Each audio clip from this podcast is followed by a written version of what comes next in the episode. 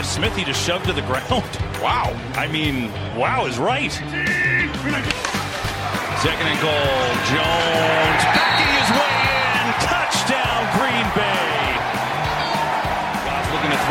two-point conversion. Look at a little, oh, look at the trickery to Akers. The flip, it worked. The throw here to the outside and in for the touchdown goes Stefan Diggs. Jackson fires and that will be intercepted in the end zone by Johnson. Karen Johnson. And only Jackson can stop him now. Too late to the end zone. Touchdown.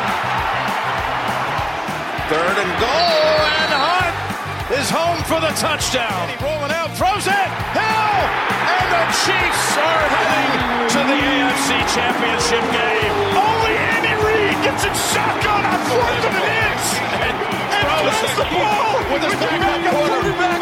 There's no way. He shocked everybody. I mean, that is impossible. I've never seen it. Three, Brady throws, pass caught, Evans touchdown. Breeze able to step into this one. This one's up for grabs and picked.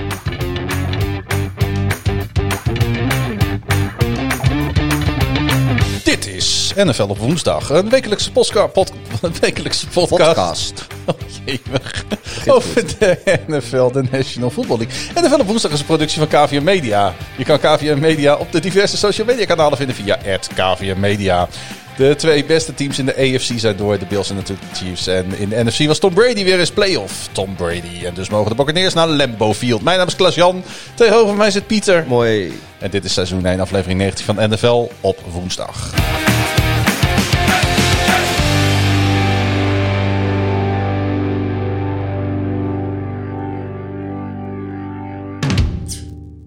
Oh, jemig. Een biertje ook nog. eh, Ik denk dat ik eerst maar eens een slokje bier moet hebben, Pieter. Ja, want als, uh, Het is- het is weer een voorbode is van hoe, dit, eh, hoe deze podcast gaat worden vandaag, dan... eh, Het is zo'n avond. Ach jongens, praat me er niet van. Ik weet niet hoe het met jou zit, maar ik heb de hele dag thuis gewerkt. Ja, ik, eh, ik heb de hele dag... eh, ben ik ook thuis geweest. En nu ben ik weer thuis aan het werk. Nee, we zitten nu in de, in de studio van, van KVM Media. Dat is waar. Op het hoofdkantoor van KVM Media is dit seizoen 1, aflevering 19 van NFL op woensdag. En eh, we hebben een, eh, weer een playoff weekend achter de rug. Ja, wat vond je ervan? Flauwe vraag. Ja, het is een beetje flauw, maar... ehm, nou, ik vond, best, ik vond over het algemeen best wel een leuk weekend. Ik vond de zaterdag qua wedstrijden misschien achteraf dan toch wat tegenvallen. Ja, ik ook. Maar de zondag heeft dat wel goed gemaakt met, die, eh, met dat geweldige einde van eh, Browns Chiefs. Ja, dat was... eh nou, het zat net ook in de intro natuurlijk. eh, onze, onze... Jezus, met je bier, jongen. Goed. De hele Ehm, studio van KVM Media zit eronder. Ja, Met bier ook trouwens. het is onder, onder de spetters. hey, maar eh, ja, in de intro zat er net ook al. Onze grote vriend eh, Tony Romo, die ging helemaal uit zijn pannenkoek. Ja, ik vond dat echt wel het hoogtepunt van, van dit weekend. Ja. Zowel de play als het commentaar van Tony Romo. Ja, ja ik, ik, ik, ik moet ergens toch, toch wel eh, een beetje medelijden, denk ik, hebben met, eh, met onze vrienden uit Cleveland. Eh, maar Ja. ja, ja het, het, het- de Chiefs die zijn, ja, ze, ze leken verslaanbaar, maar uiteindelijk, het is het, het hele tweede seizoen zelf doen ze dat al, hè? Absoluut. Al die teams die van ze verliezen, die hebben volgens mij allemaal voelden die, voelden die zich een beetje kut. Want die hebben zoiets, nou, volgens mij hadden we gewoon kunnen winnen. Maar ik, weet- ik weet nog steeds niet of dat wel echt zo is. Want als het erop aankomt, dan. Het is een beetje hoe ik, eh, hoe, hoe ik me altijd voel als ik in het uitvak van de Amsterdam Arena sta. Ik heb altijd het idee dat er misschien wel wat te halen valt. En uiteindelijk ga je gewoon weer onderuit. ja, maar het is, er is wel wat verbetering. Want eh, tegenwoordig eh, krijg je er geen knuppel meer in je nek gevouwen. Dat was, dat was vroeger ook al anders. Met, Ja, dat klopt. Oh, dat is misschien iets voor een andere, andere podcast en een ander moment. Roy die zegt ook, toen ik opriep op Twitter, waar moeten we het over hebben? Hij zegt, Henny man. Henny the man. Chet Henny. Niet Henny Huisman, maar Chet Henny. Eh, verder eh, kunnen onderwerpen eh Breeze en de fumble van de Browns niet ontbreken. nou, ik wil eigenlijk, had ik het voor, voornemen om een podcast te maken. En het gewoon de hele tijd niet over Drew Brees te hebben. Gewoon zomaar. Maar Nou ja, mag niet van Roy. mag niet van Roy, precies. Kijk, en de luisteraar bepaalt. Het is Ja. eh, hun podcast ook. We hebben er niks over te zeggen. Nou, hij zegt hetzelfde als het eh, Concussion Protocol, wat eh, mogelijk grote invloed had op twee games. En De Chiefs die voor de derde keer in de finale staan. Jeetje, zoveel om over te hebben. En Brady weer naar de Super Bowl? Vraagteken, vraagteken. Ik denk dat, eh, om, eh, ik, wou- ik denk, ik ga dit even noemen, want dit is een beetje een samenvatting van, denk ik, waar we het over gaan hebben de Ja. komende Dit was NFL woensdag. Ja. Bedankt voor het luisteren. Een vraagje, opmerking van Johan. Die zegt, eh, running quarterbacks zoals Jackson en Mahomes zullen nooit een carrière kunnen maken zoals pocket passers als Brady en Breeze dat konden. Ze gaan te snel stuk. Dat hebben we wel weer gezien dit weekend. Ben je het daarmee eens? Ehm, deels. Ik denk dat. eh, ik weet, kijk, voor, voor Mahomes vind ik niet echt, echt een, een, een running quarterback in de zin zoals eh, eh, Lamar Jackson dat wel is. En bijvoorbeeld Michael Vick dat, eh, en Cam Newton dat ook zijn slash waren. Ehm, ik vind Mahomes vind ik een beetje meer te vergelijken misschien met, eh, met Aaron Rodgers. En misschien Aaron Rodgers in zijn wat jongere dagen ook. Die, die wilde die ook nog wel eens de benen nemen. Maar ik, ik, Mahomes die zal, eh, die zal hier ook wel weer van leren. En, en die jongen die, eh, die, ja, die, die is, is het niet nodig om, eh, om altijd maar aan de wandel te gaan. Dan moet ik zeggen dat tot dit moment ehm, Lamar Jackson ook aardig wel de hits wist te ontwijken. Ondanks dat hij Ja. vaak in bepaalde situaties kwam, wist hij het dan toch zo voor zichzelf te spinnen dat hij er elke keer ja, heel uitkwam. Ja, maar dat, ik, ik, ik, ik, heb toch het idee dat... weet je, je hoeft, je hoeft maar een paar klappen te hebben uiteindelijk. En, eh, Dat dachten ze op het Malieveld ook afgelopen weekend. Och jongens, wat een week. Maar eh, ja, kijk, en- en, en een quarterback is natuurlijk wat, wat kwetsbaarder dan een, dan een running back in de zin van een, eh, ja, weet je, een, een, blessure aan je arm, aan je hand, aan je schouder, aan je sleutelbeen. het, het, het, het telt allemaal veel zwaarder door bij. Ja. Eh, Nou, we gaan het zien eh, eh, hoe erg het is met... ehm, En Lamar Jackson is ook bepaald niet gebouwd als running back. Dus ik, Nee. ik denk ook niet. Ik, ja, weet je, als die van die linebackers op een gegeven moment klappen gaat krijgen, dan eh, als die hits te verduren krijgt, dan ik denk niet dat dat goed is voor zijn eh, long, longevity. Maar laten we toch hopen dat we nog lang van eh, zijn kunsten kunnen genieten. En dat zeg ik niet alleen als Ravens fan, maar ik denk dat iedere NFL-liefhebber dat, eh, dat wel kan beamen. Ja, Ehm, dan is het nu alweer tijd voor de Pinonnen van de week. ja de Piedhoornen van de week. Get up, Piedhoornen, get up, Piedhoornen. De Piethonden van de week. In de Piethonden van de week bespreken wij eh, ja, de persoon, de organisatie of het land. Een land. Ja. Ik heb deze keer eh, geen landen waar ik eh, moeite mee heb. Nee, Nee, deze week niet. ik ook niet. Maar eh, Wel een persoon. ja, waar wij ons het meest aan geërgerd hebben. En dat is vragensteller Wouter Holsapel. Holsapel. Ja. Die, eh, die vraagt ons, wanneer zijn jullie voor het laatst in de dierentuin geweest? De laatste keer dat ik er was, hadden zebra's hun strepen dwars op hun lijf staan. En niet zoals bij de scheidsrechters in de NFL met de lengte van het lichaam mee. Nou ja, kijk, eh, Wouter Holsapel die heeft een beetje last van zijn, zijn oortjes en van zijn oogjes. Want eh, deze vraag is afgelopen weekend al beantwoord verbaal. En eh, schriftelijk via Twitter ook al eh, deze week. Maar ik zal het nog één keer doen voor, eh, voor eens en eenmaal en altijd. Nou, let op, Wouter Holsapel. Strepen groeien naar de zon toe. En dus van beneden naar boven. En als de scheidsrechters maar lang genoeg op hun handen en voeten gaan staan, dan gaan die strepen vanzelf weer richting de zon. Zoals ze dat bij zebra's ook, ook doen. Dan kwam er nieuws binnen over de Super Bowl. Ehm, namelijk wie de National Anthem eh, gaat zingen. En ook natuurlijk het prachtige America the Beautiful. Ik heb altijd weer tranen in de ogen staan als ze daar eh, dat aan het zingen zijn. Ze lopen me soms kruiselings over de rug. Eh, R&B-star eh, Jasmine Sullivan. Ik had nog nooit van haar gehoord. Ik ook niet, En maar ik, heb dat, net dat even, ik heb net even op YouTube wat eh, liedjes van haar opgezocht. En dat verklaarde waarom ik ook niet van haar gehoord had. Je bent geen fan? Nee, het was niet mijn stijl. Ik ben niet per se eh, against R&B, zeker niet. Maar van haar had ik nog nooit gehoord en ik vond het eh, niet echt heel fijn om naar te luisteren. Maar het was beter dan ehm, Grammy-winning singer, hoe heet ze? H-E-R. Her. Her. Een film is dat met Scarlett Johansson. H-E-R. Her. Ja, ehm, Dat vond ik nog erger. Maar ik, daar denk- heb ik, ook nooit van gehoord. Ik denk wel dat ze allebei een goede stem hebben.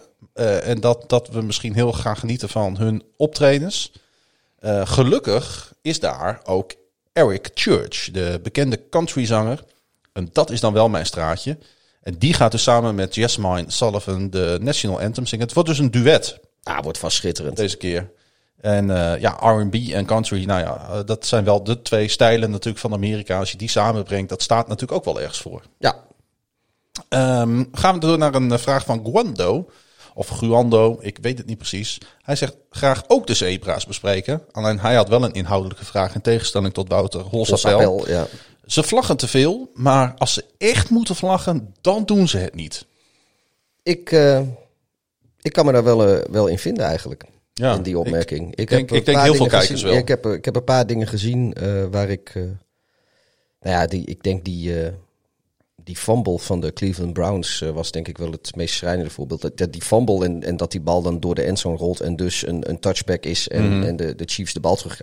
Nou, van die regel kun je vinden wat je wil. dat Maar- is misschien iets voor een de ander moment. Maar die de, hit die eraan vooraf ging, Ja. dat had wat mij betreft gewoon een vlag moeten zijn. Dat was leaden met, eh, met de helmet en Mhm. misschien wel spearing. En eh, eigenlijk alles wat, eh, wat niet mag, meende ik eh, daar eh, in die hit gezien te hebben. Ja, dan is die regel van die bal door de endzone en een touchback is al... Nou, daar kun je al, al, al, de haren kun je, kunnen er recht van op je rug gaan staan als je die hebt. Ja, ik, ik, ik heb ergens En- misschien wel meer begrip voor die regel dan de meeste mensen. Ja, maar maar die hit heb ik Ja. geen begrip voor. Oké, we komen er zo op terug als we het gaan hebben over de wedstrijd Ja. tussen de Browns. Maar jij vond, eh, jij vond die hit ook eh, eigenlijk wat eh, te ver gaan? Of wat, hoe zag jij? Nee, in eerste instantie niet. Dus ik, ik snapte eigenlijk wel... Ik had in eerste instantie zoiets van... Wauw, wat een gave play. Ja. Dat, jij, dat, dat dit je nog lukt. En dan zit je... Heel, je zit natuurlijk ook in het momentum van de wedstrijd. En dat geldt eigenlijk ook een beetje voor de scheidsrechters. Die hè, in, de, in de extase van de wedstrijd... zie je misschien in eerste instantie niet helemaal wat er gebeurt. En dat is natuurlijk ook het VAR-verhaal. En dan ga je naar een herhaling kijken. En nog een keer vanuit een andere hoek. En dan denk je opeens... Hmm. Schijnt ook zo te zijn. eh, Maar die vlag kan dan niet meer gegooid worden. Nee, dat klopt. Het schijnt trouwens, dat heeft dan niet zozeer met die hit te maken, maar wel met, eh, met, die, eh, met die fumble. Het schijnt dat, las ik ergens op internet, dat Bill Belichick, die schijnt als staande regel te hebben bij de Patriots, al zo- zo'n beetje zolang als hij daar coach is, dat je niet mag, met de bal mag reachen voor de doellijn. Ja. Voor, de, voor de endzone. Dat wil hij gewoon niet hebben. Hij heeft zoiets van, joh, we hebben nog een tweede en een derde en desnoods een vierde down. Ja. En als het dan daadwerkelijk fourth down is, nou, dan kun je een keer erover na gaan denken om, om, om die reach te doen. Nou ja, laten we eerlijk zijn. Het is een van de redenen natuurlijk dat de Patriots zo lang succesvol zijn geweest. Dat het team zo gedisciplineerd doet wat die coach zegt. Nooit in de verleiding in principe komt om dingen te doen die van de staf niet mogen. Geen spelers die voor zichzelf gaan, maar altijd Ja. voor het team. Ja, het is de reden dat er zoveel Superbowls in de kast Ik staan. heb eh, om, om, om ter, ja, even ter, indi- ter illustratie over hoe het, eh, hoe het er bij andere teams aan toe kan gaan. Ik heb nog een mooi voorbeeld van eigenlijk diezelfde regel dat, eh, dat er een team was die de, die de bal op de 1 yard line zouden krijgen. Er was ook een, fullback die had een, een play richting de endzone gemaakt. En die had ook even de, met de bal out, naar, de, naar de endzone. En eh, nou, dat volgens de scheids eh, hadden ze de endzone niet gehaald. Dus dat, eh dan kregen ze de bal eens op de 1 of op de halve yardline, zeg maar. Maar de, de coach van het team die vond het verstandig om de challenge flag te gooien. En te zeggen van nou, volgens mij hebben we de endzone wel gehaald. En toen bekeken ze dat. En toen hadden ze zoiets van nou, nee, want het is een fumble. En hij is door de endzone gegaan. Dus, Dus de tegenstander Ja. krijgt de bal op de 25 Ja. yard line. Natuurlijk was dat bij de Bears tegen de Packers. Ja, ik kan me dat inderdaad nog herinneren. Dat was echt een dramatisch moment. Ja. Oh, ja. Flashbacks weer hier. Was dat met Lovi? Nee, dat was, eh eh, was dat eerder? Fox was was dat. eh, Was nog met was volgens mij Nee, Fox kwam na Lovi natuurlijk. Ja, dit was, Ja. eh, dit was John Fox en het zal, eh, het zal vier seizoenen geleden Ja, zijn. Was, zeggen, Trubisky was, het was het eerste seizoen van Trubisky ook. Het laatste seizoen van Fox. Ja, het zijn, aan de andere kant, als je neutraal zit te kijken, zijn dat natuurlijk dat zijn van die gillers.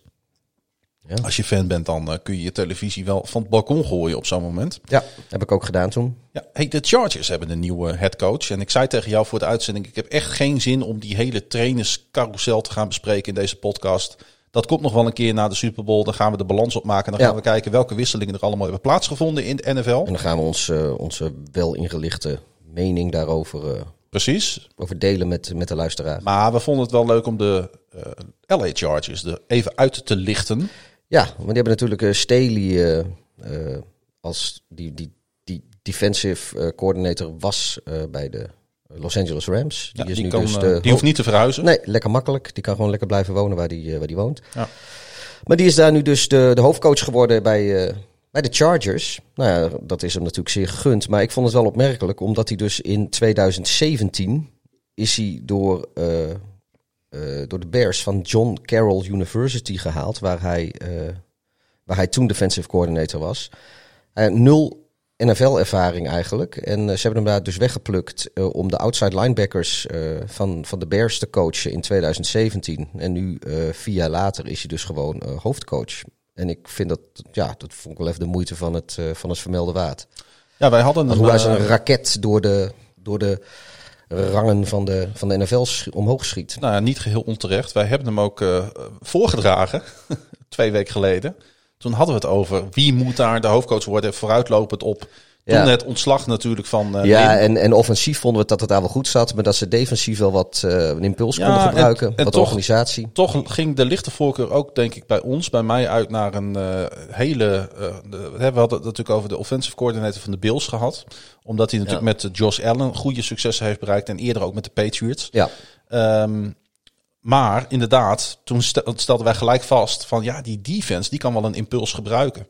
Ja, ik denk dat ze de perfecte man op de perfecte plek hebben. hè. ik, eh, ik, hoop het, eh, ik hoop het echt. wel. Ik gun het de Chargers, ik gun het Staley. Ik, eh, ja, ik, ik, vind dit, ik hoop dat dit een heel lang, heel productief huwelijk wordt. Ja, over de LA Chargers gesproken. De Pro Football Writers of America kwam deze week met hun uitverkiezingen voor Rookie of the Year. En dan hebben we het natuurlijk over de NFL Rookie of the Year, de offensive en de defensive. En het mag eh, geen verrassing zijn dat zij hebben gekozen voor Los Angeles Chargers quarterback Justin Herbert. Oh, Herbert. Dus niet, eh, niet eh, Justin Jefferson van de Vikings. Nee, ze zijn voor Justin Herbert gegaan. Die natuurlijk ook een NFL rookie record heeft neergezet voor meeste touchdown passes en meeste totale touchdowns.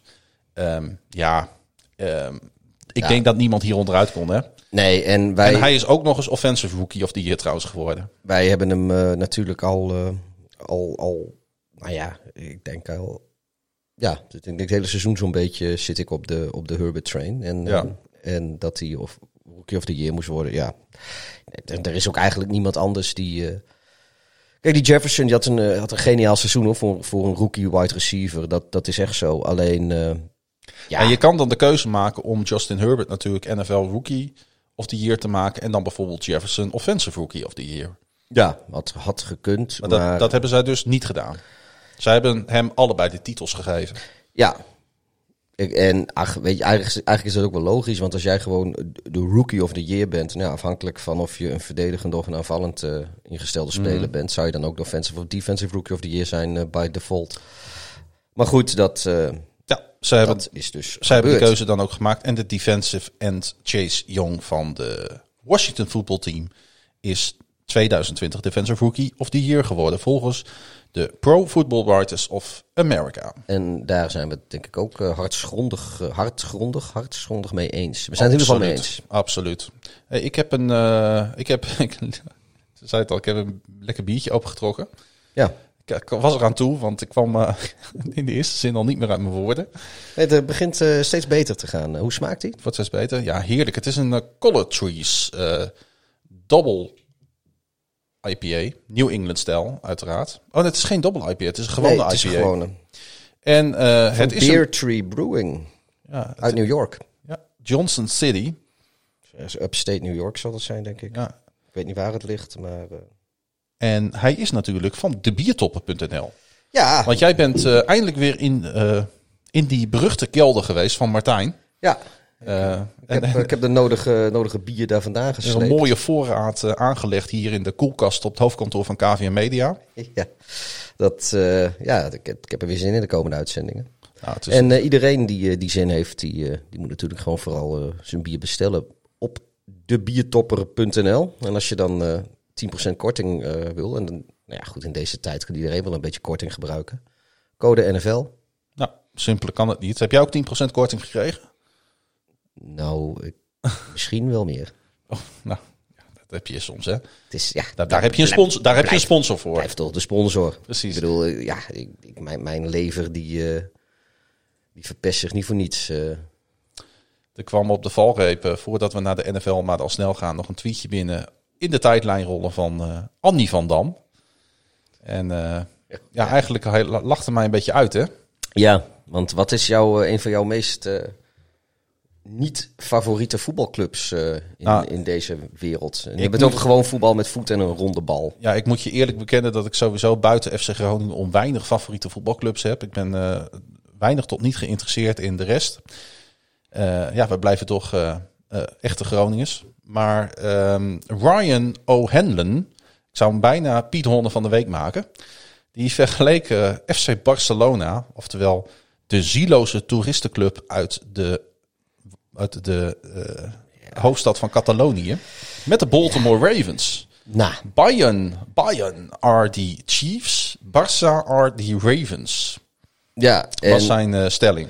ja, en dat, dat, nou goed, dat is dan een, eh, een heel verhaal heeft die man geschreven om, om dit soort marginale geneuzelmeninkjes een beetje, een beetje cachet te geven en, Ja. en dat te willen verdedigen. Maar ik heb het eens even zitten lezen en mijn god, wat een onzin eh, is het eigenlijk. eh, een beetje over eh, ja, hoeveel yards er in een voetbalwedstrijd, dus wederom voetbal met een ronde bal, ja, hoeveel horizontale en verticale yards eh, er dan zijn. En, en dat vergelijken met NFL-teams. En eh, op een gegeven moment, ik, ik ben op een gegeven moment ook gewoon, ik heb mijn laptop dichtgeklapt. Ik had zoiets van, joh, ik, ik ga dit niet eens verder lezen. Wat een onzin. Nou, neem ik nog een laatste slok. Maar toch, dankjewel voor, eh voor, de, voor de tip, Annie van, van Dam. Ja, wij kunnen dit soort engagement, wij kunnen eigenlijk alle engagement wel op prijs stellen.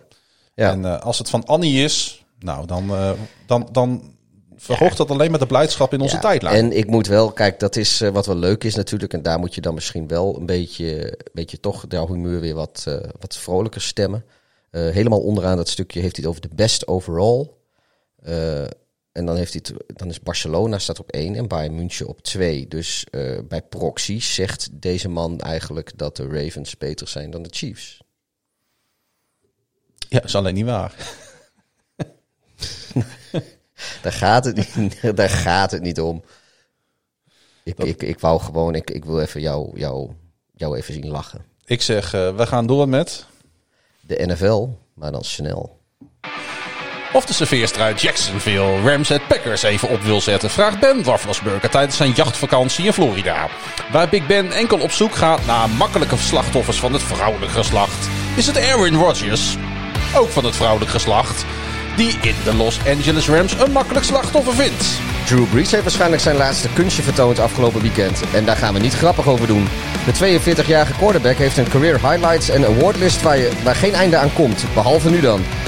Nu komt er wel een einde aan. En collega Tom Brady gooit ondertussen de Buccaneers richting de Super Bowl... en moet in februari alweer zijn Wikipedia-pagina aangepassen. De verkoop van drugs zal in Baltimore wel weer toenemen, nu de Ravens uitgespeeld zijn. Wat wil je anders doen Yellow dan... Tops, Yellow Tops, dan kat en muisspelletje spelen met Jimmy McNulty. WMD's, WMD's. Benieuwd of Lamar Jackson hem zonder een fatsoenlijke O-line ook te snel af is. Voor de fans van de Bills is Josh Allen hun nieuwe verslaving. Een stuk gezonder. En Baker Mayfield heeft een paar weken extra om het stadion van de Browns op te knappen voor wanneer er volgend seizoen weer fans naar binnen mogen. Het is voor hun te hopen dat dit jaar geen per ongelukje was. Ze hebben in elk geval iets om naar uit te kijken. Voor de Chiefs is succes. Voor de Chiefs is succes. Voor de Chiefs is succes inmiddels gewoon geworden. Maar de manier waarop is verre van normaal. Toch lijken ze normaal gesproken oerend uit op weg naar Tampa.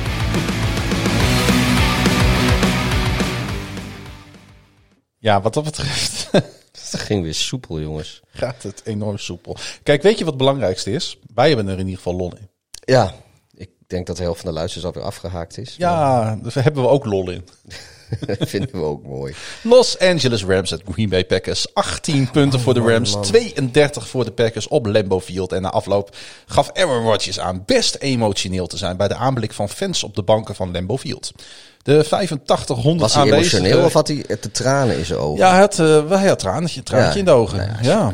Ik weet niet of je de gemiddelde Green Bay Packer fan wel eens gezien hebt, maar ik, ik kan me daar wel een beetje voorstelling bij maken dat de tranen je dan echt in de ogen schiet als je die er allemaal ziet zitten. Nou, er waren 8500 aanwezigen gelukkig en zij zagen de MVP frontrunner twee touchdown passes gooien en ook nog een score binnenrennen. De Los Angeles Rams werden dus met 32-18 verslagen. En gevolg is dat de Packers voor het eerst sinds Rodgers in 2008 de startende quarterback werd van de Packers in eigen stadion de Conference Championship Game mogen gaan spelen.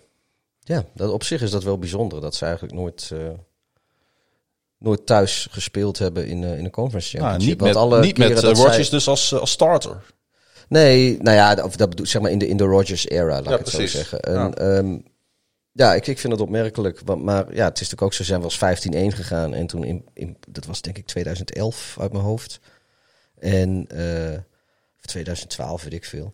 Maar in elk, elk geval, ja, dat, dat soort seizoenen hebben ze ook gehad. En dan gaat de, de weg naar de Super Bowl voor de NFC, die gaat dan op papier door, eh, door Lambo. Maar ja, als Ja. zij dan al voordat zover is eh, uit de playoffs gegooid worden. Volgens mij hebben ze toen de eerste, de beste wedstrijd, zijn ze door de Giants eh, verslagen, als ik me het goed herinner. En ja, dat...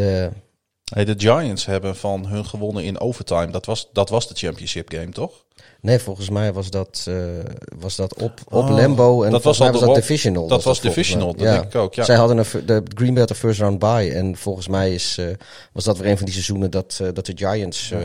Nee, de Giants hebben toen inderdaad tegen, tegen de, de, volgens mij tegen de, de 49ers hebben ze volgens mij de division, eh, of de, de conference championship gespeeld. Mhm. Ja, en zij hebben dat, en, hebben daarna hebben ze toen natuurlijk eh, de Ik, Niners eh, van de Ravens de Super Bowl verloren. Ik snap al waar ik mee in de war ben. Want ehm, het is voor de Packers dus in...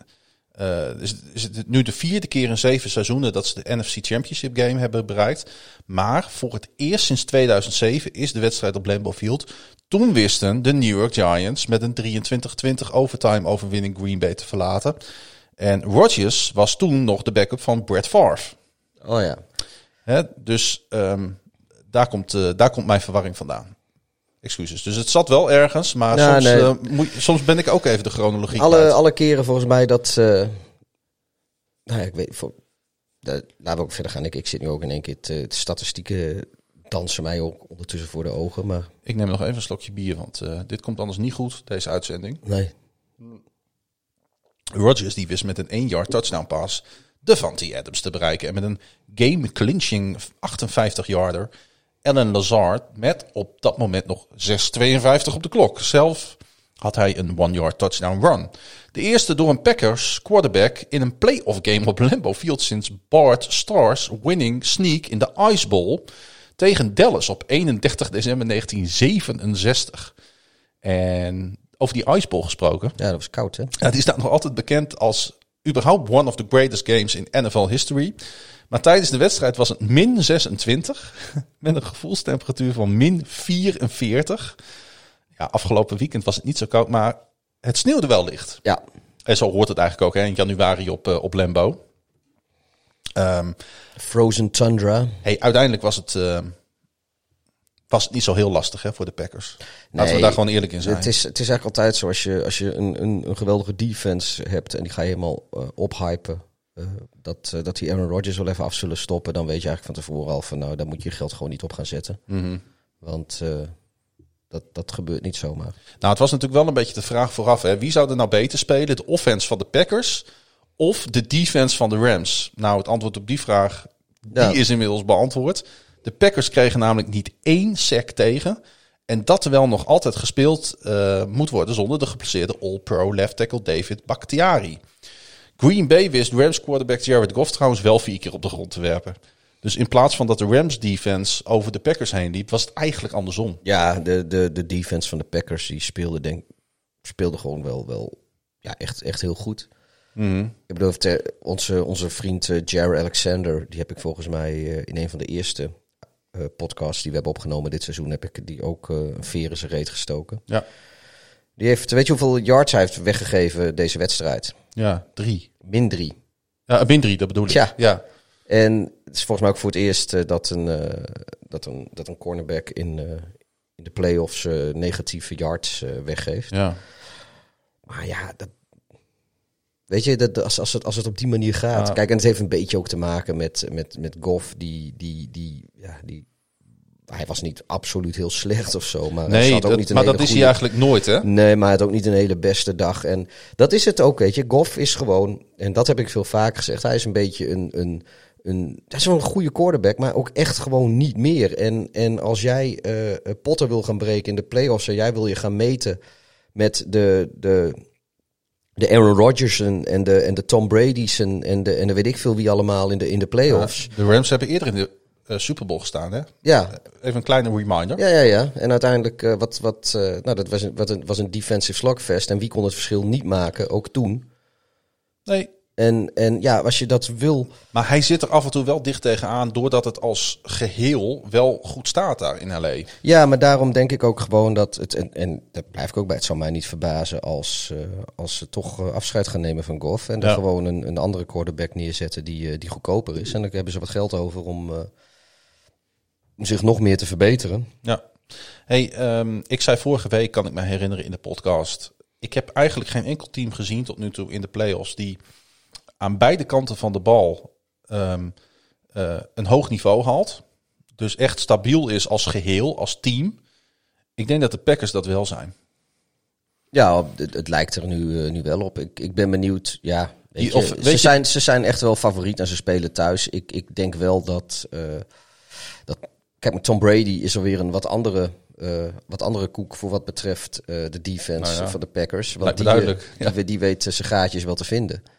En die kan zijn ballen vaak wel kwijt. Of, of het genoeg gaat zijn om die wedstrijd te winnen. Of waarschijnlijk word ik nu gewoon gelogen gestraft. En ligt die Brady ook weer 40 keer op zijn rug, die, die wedstrijd. Dat, dat weet ik nog niet. Maar goed, ja, dat is wel wat anders dan, dan Goff. En dat, dat zag je ook. Nou ja, we lopen alvast eh, vooruit dan naar die andere wedstrijd. Maar dat zag je ook al aan Drew Brees eh, en, en Brady.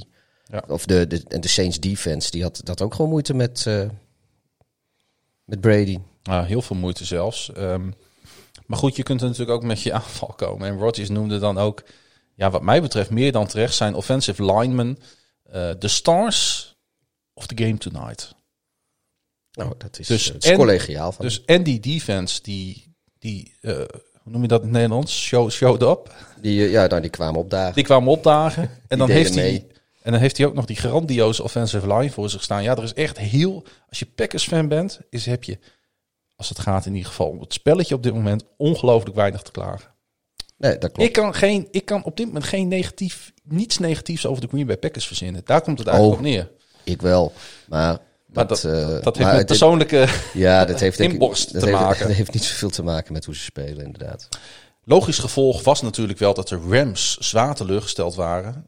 Rams defensive tackle Michael Brockers gaf dan ook aan dat hij en zijn collega's zich stuk voor stuk persoonlijk verantwoordelijk voelden. En minder dan drie weken na een operatie aan zijn duim gooide Goff 21 uit 27 voor 174 yards en een touchdown. Running back Cam Akers noteerde 90 yards en ook een touchdown. Ja, nee, A- Akers speelde, speelde wel echt heel goed. Eh, ik, die defense. Ja, dat, ik, dat vind ik wel gewoon. eh, ja, die, die mogen zich wel schamen, inderdaad. Ja, en dat, dat gaf hij volgens mij die Brockers ook eh, wel terecht aan hoor. En hoe kan dat dan, dat zo'n goede defense, want we hebben ze een week eerder tegen Se- Seattle echt te zien wegblazen. En wat is dat dan dat een week later het opeens totaal niet lukt? Is daar een verklaring voor of, moeten we, of, of zoeken we nu eh, spijkers op laag water? Nou, kijk, als je, als je precies weet hoe dat zit, dan, eh, dan moet je natuurlijk gewoon een coach worden. Ja. Want als McVay, die zal het ook niet precies weten, anders had hij het wel opgelost. Of is het dan inderdaad die offensive line van de Packers die gewoon ja, ongelooflijk die, goed ook die, is? Die, die, die speelde goed. Eh, Aaron Rodgers de gewoon goed. En het is ook als verdediging is het ook gewoon best wel moeilijk om, om keer op keer eh, eh, dat, dat te doen.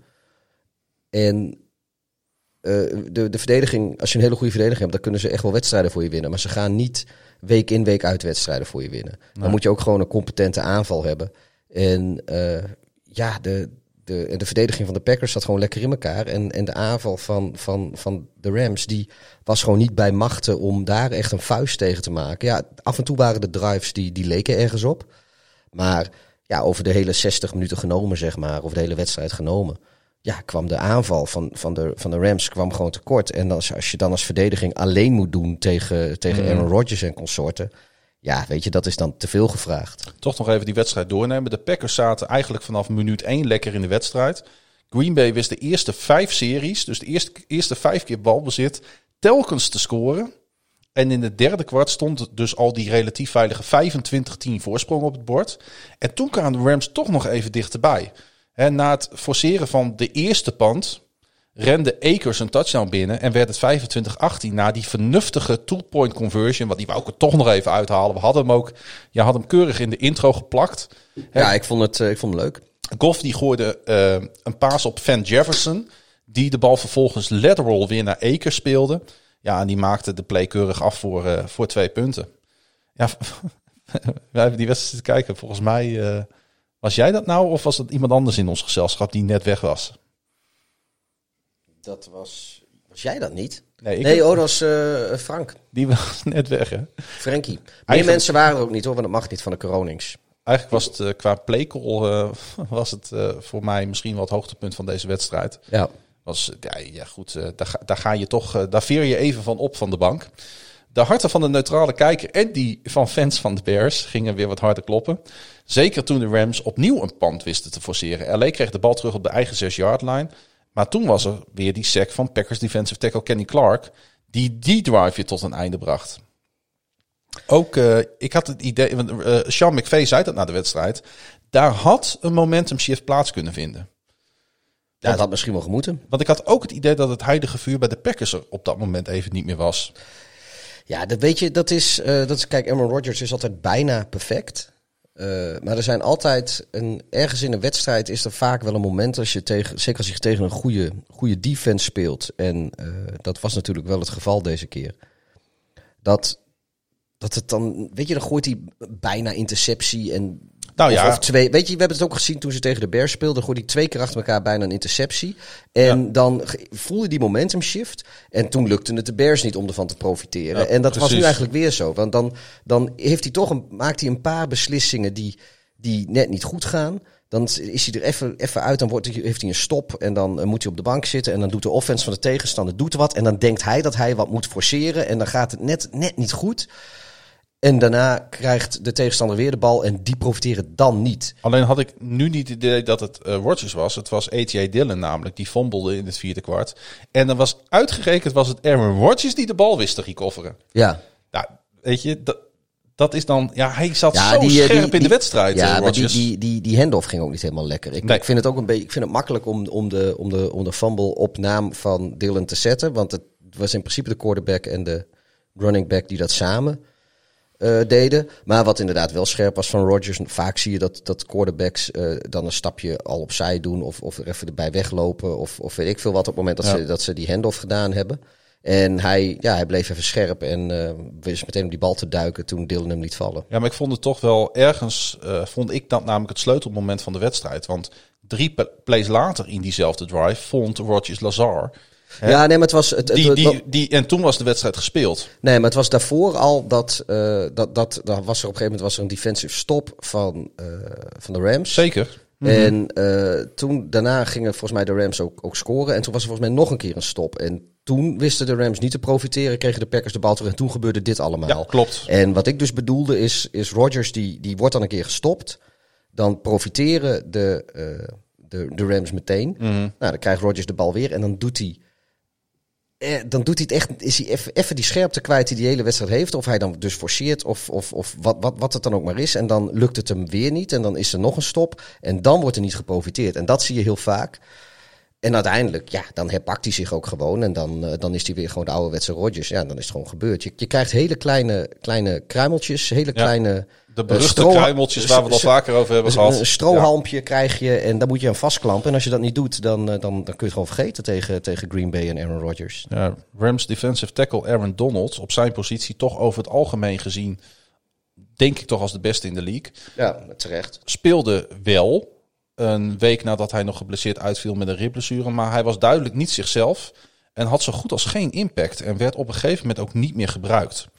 Ja, moet je hem dan starten, vraag je dan af. Moet je hem dat dan aandoen? Maar goed, eh, Ik denk dat hij dat zelf ook gewoon wilde. dat denk ik ook. Toen de Packers in het vierde kwart de beslissende play maakten, waren er zelfs tranen bij de All-Pro. En dat weten de Amerikanen nat- natuurlijk weer prima in beeld te brengen. Ja, maar dat is ook terecht. Die man die wil een keer naar de Super Bowl winnen. Hij heeft een keer gespeeld. Ja, En nou, ja, dan moet hij weer een jaar wachten. nou, het zat er niet in. Janken. En eh LA moest het trouwens ook doen zonder leading receiver Cooper Cup, wat natuurlijk ook niet meehielp. En starting left tackle David Edwards. Zou het met Cooper Cup anders gelopen zijn dan? Dat zou kunnen. ja, een beetje suggestief. eh, Ja, ik- ik- ik- ik- eh, het zou kunnen. Ja. Ik, ik vond onze, onze vriend. Misschien kwam het ook nog wel een beetje door de blessure. Maar ik, ik, ik vond, eh, vond vriend Jared Goff vond ik dus niet zo, eh, niet zo overtuigend spelen. En dan denk ik, weet ik ook niet of Cooper Cup het verschil had gemaakt. Nou, ik denk niet dat de Packers zich heel veel zorgen hebben gemaakt tijdens deze wedstrijd. En zij gaan dus door naar de, eh, naar de finale in de NFC. En daarin spelen zij tegen de Tampa Bay Buccaneers. Die met 30-20 wisten te winnen in New Orleans van de Saints. En ja, ik zei het al even in de intro. Tom Brady was weer eens playoff Tom Brady. Ja. En na twee pijnlijke nederlagen in het reguliere seizoen tegen de Saints was daar voor de Buccaneers nu wel de overwinning. En dat in het hol van de leeuw. Brady en de Bucks offense wisten drie van de vier Saints turnovers om te zetten in touchdowns. De basis voor deze overwinning. Ja, wij, we hebben natuurlijk eigenlijk al direct gezegd van joh, of Brady gaat niet drie keer van dezelfde tegenstander verliezen in een seizoen. Nee, Dat, eh, dat geloven we niet. Nou, dat was ook zo. Dat heeft hij niet gedaan. nee. Hij, had, ehm, hij had twee lekkere korte touchdown passes op Mike Evans en Fournette. De derde werd door Brady zelf de, in, de endzone ingesneakt vanaf de 1-yard line. Hij is echt de koning van de QB sneak. eh, Ja, goed hè. Dus ja, hij zegt niks aan te. Niks, het geen, kun je gewoon niks tegen doen. En hij gaat nu de 14e Conference Championship game spelen in zijn carrière. Maar wel zijn eerste NFC. Uiteraard. Maar ja, kun je, kun je, kun je dit nog ergens indelen? In een, in, in Ja, ik- qua niveau? Ik probeer mij gewoon voor te stellen hoe ze, hoe ze er in Buffalo over denken. Want stel nou dat Buffalo de Super Bowl haalt en dan moeten ze tegen Tom Brady. Dan hebben ze, is hij eindelijk weg uit de divisie. En zij halen prompt, halen ze de Super Bowl. En wie komen ze daar tegen? Tom motherfucking Brady. En Geniaal affiche. Ja. Voor, ons als neutrale kijker. ja, maar is, kan jij je voorstellen hoe, hoe ze daar nu misschien al liggen te zweten in, Ja. eh, in Buffalo? Absoluut. Maar Ja. goed, dat eh, is misschien iets te, iets te ver eh, op de zaken vooruitlopen. Maar ik, ik ja, ik kan, dit is ergens is het. eh, Hij zei na de wedstrijd, we hebben hard gewerkt om tot dit moment te komen. Twee road playoff wins is echt heel fijn.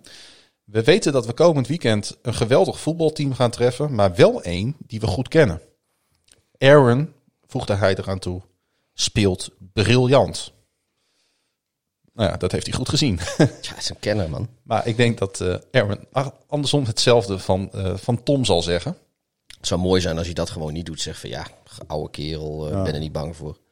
Ondertussen zou het zomaar eens kunnen zijn dat het tijdperk Drew Brees in New Orleans na 15 jaar voorbij is. En de potentieel laatste wedstrijd van de overigens ook voormalig San Diego Charger, wou ik toch even noemen, werd in de Superdome bekeken door 3750 toeschouwers, het maximum toegestaan binnen de lokale COVID-19 restricties. Brees heeft nog wel een jaar contract over. Ja, ik, ik, ik, ik las dat eh, Michael Thomas, de, de wide receiver, die, eh, die laat zich nu eh, opereren aan, weet ik veel, wat, wat die heeft, die heeft allerhande banden en pezen en spieren is er, is er enkel die kapot Mhm. zijn. Dan laat hij zich gaan opereren. En eigenlijk had, eh, had dat al veel eerder gemoeten, maar eh, hij wilde per se eh, dit jaar afmaken, omdat hij het vermoeden had dat het waarschijnlijk Brees zijn laatste seizoen was. En had zoiets, dit moet ik wel even bij zijn om een Super Bowl met Drew Brees te winnen. Nou ja, dat, eh, dat gaat dus niet lukken. Maar eh, ja, die heeft dus eigenlijk door een blessure heen gespeeld. Ja. Omdat hij ervan uitgaat dat dit eh, het laatste seizoen van Brees is. Hij ving ook geen enkele bal trouwens in de hele wedstrijd. Nul catches. Brees was ook gewoon echt helemaal niet zo goed. Nee, weet je, ehm, dat klopt. Het had een Eh, beetje, nog, het was nog niet heel, helemaal zo, maar het had- leek wel een beetje op, op dat laatste seizoen van Peyton Manning bij de Broncos. Dat, Beetje triestig. Dat, eh, ja, dat, dat was natuurlijk een geweldige defense die eigenlijk het kadaver van, van Peyton Mhm. Manning naar de Super Bowl sleepte, waar hij uiteindelijk toen nog wel redelijk speelde, moet ik zeggen. Eh, het was niet dat het een absoluut waardeloos seizoen was, maar er waren een hele fase in dat seizoen waar het echt, eh, ja, waar, waar, waar Manning haast een blok aan je been was. Ja. En zover wil ik nu niet gaan met, eh, met de omschrijving voor Drew Brees. Maar ja, ik, ik was niet echt van hem onder de indruk. Hij, hij is wel, nou, ik, ik heb het al vaker gezegd dit seizoen. eh, het beste is er echt wel af en dat is ook wel te zien. Ik, ik ja. kan me ook niet voorstellen dat hij nog een jaar doorgaat. misschien, misschien als je dat wil zien, was het al een beetje te zien, zijn eh, naderende afscheid in zijn spel. En wat ik heel mooi vond, was dat na een douche en het aantrekken van zijn normale kloffie, hij het veld weer opliep om met zijn vier kinderen En Tom en, Brady. eh, en vrouw Brittany eh, even een spelletje te spelen. Ik eh, zag een lange omhelzing met, met zijn vrouw, Brittany. Als ik zo zijn vrouw zag, zou ik dat ook hebben gedaan. En even later voegde inderdaad ook Tom Brady zich bij het gezelschap. En ja, de beelden die dat opleverde, die vond ik echt, echt heel erg mooi. Ja, dat zien. Tom Brady nog even die touchdown pass gooide op het zoontje Ja. van, van Breeze. Ja, weet je, in een leeg gaan die Amerikanen lekker op. hè. Nou, ik, ik eigenlijk ook wel. Ja. Weet je, dit zijn twee zulke grootheden. We kijken deze sport. Ik kijk deze sport nu ongeveer een jaar of 15.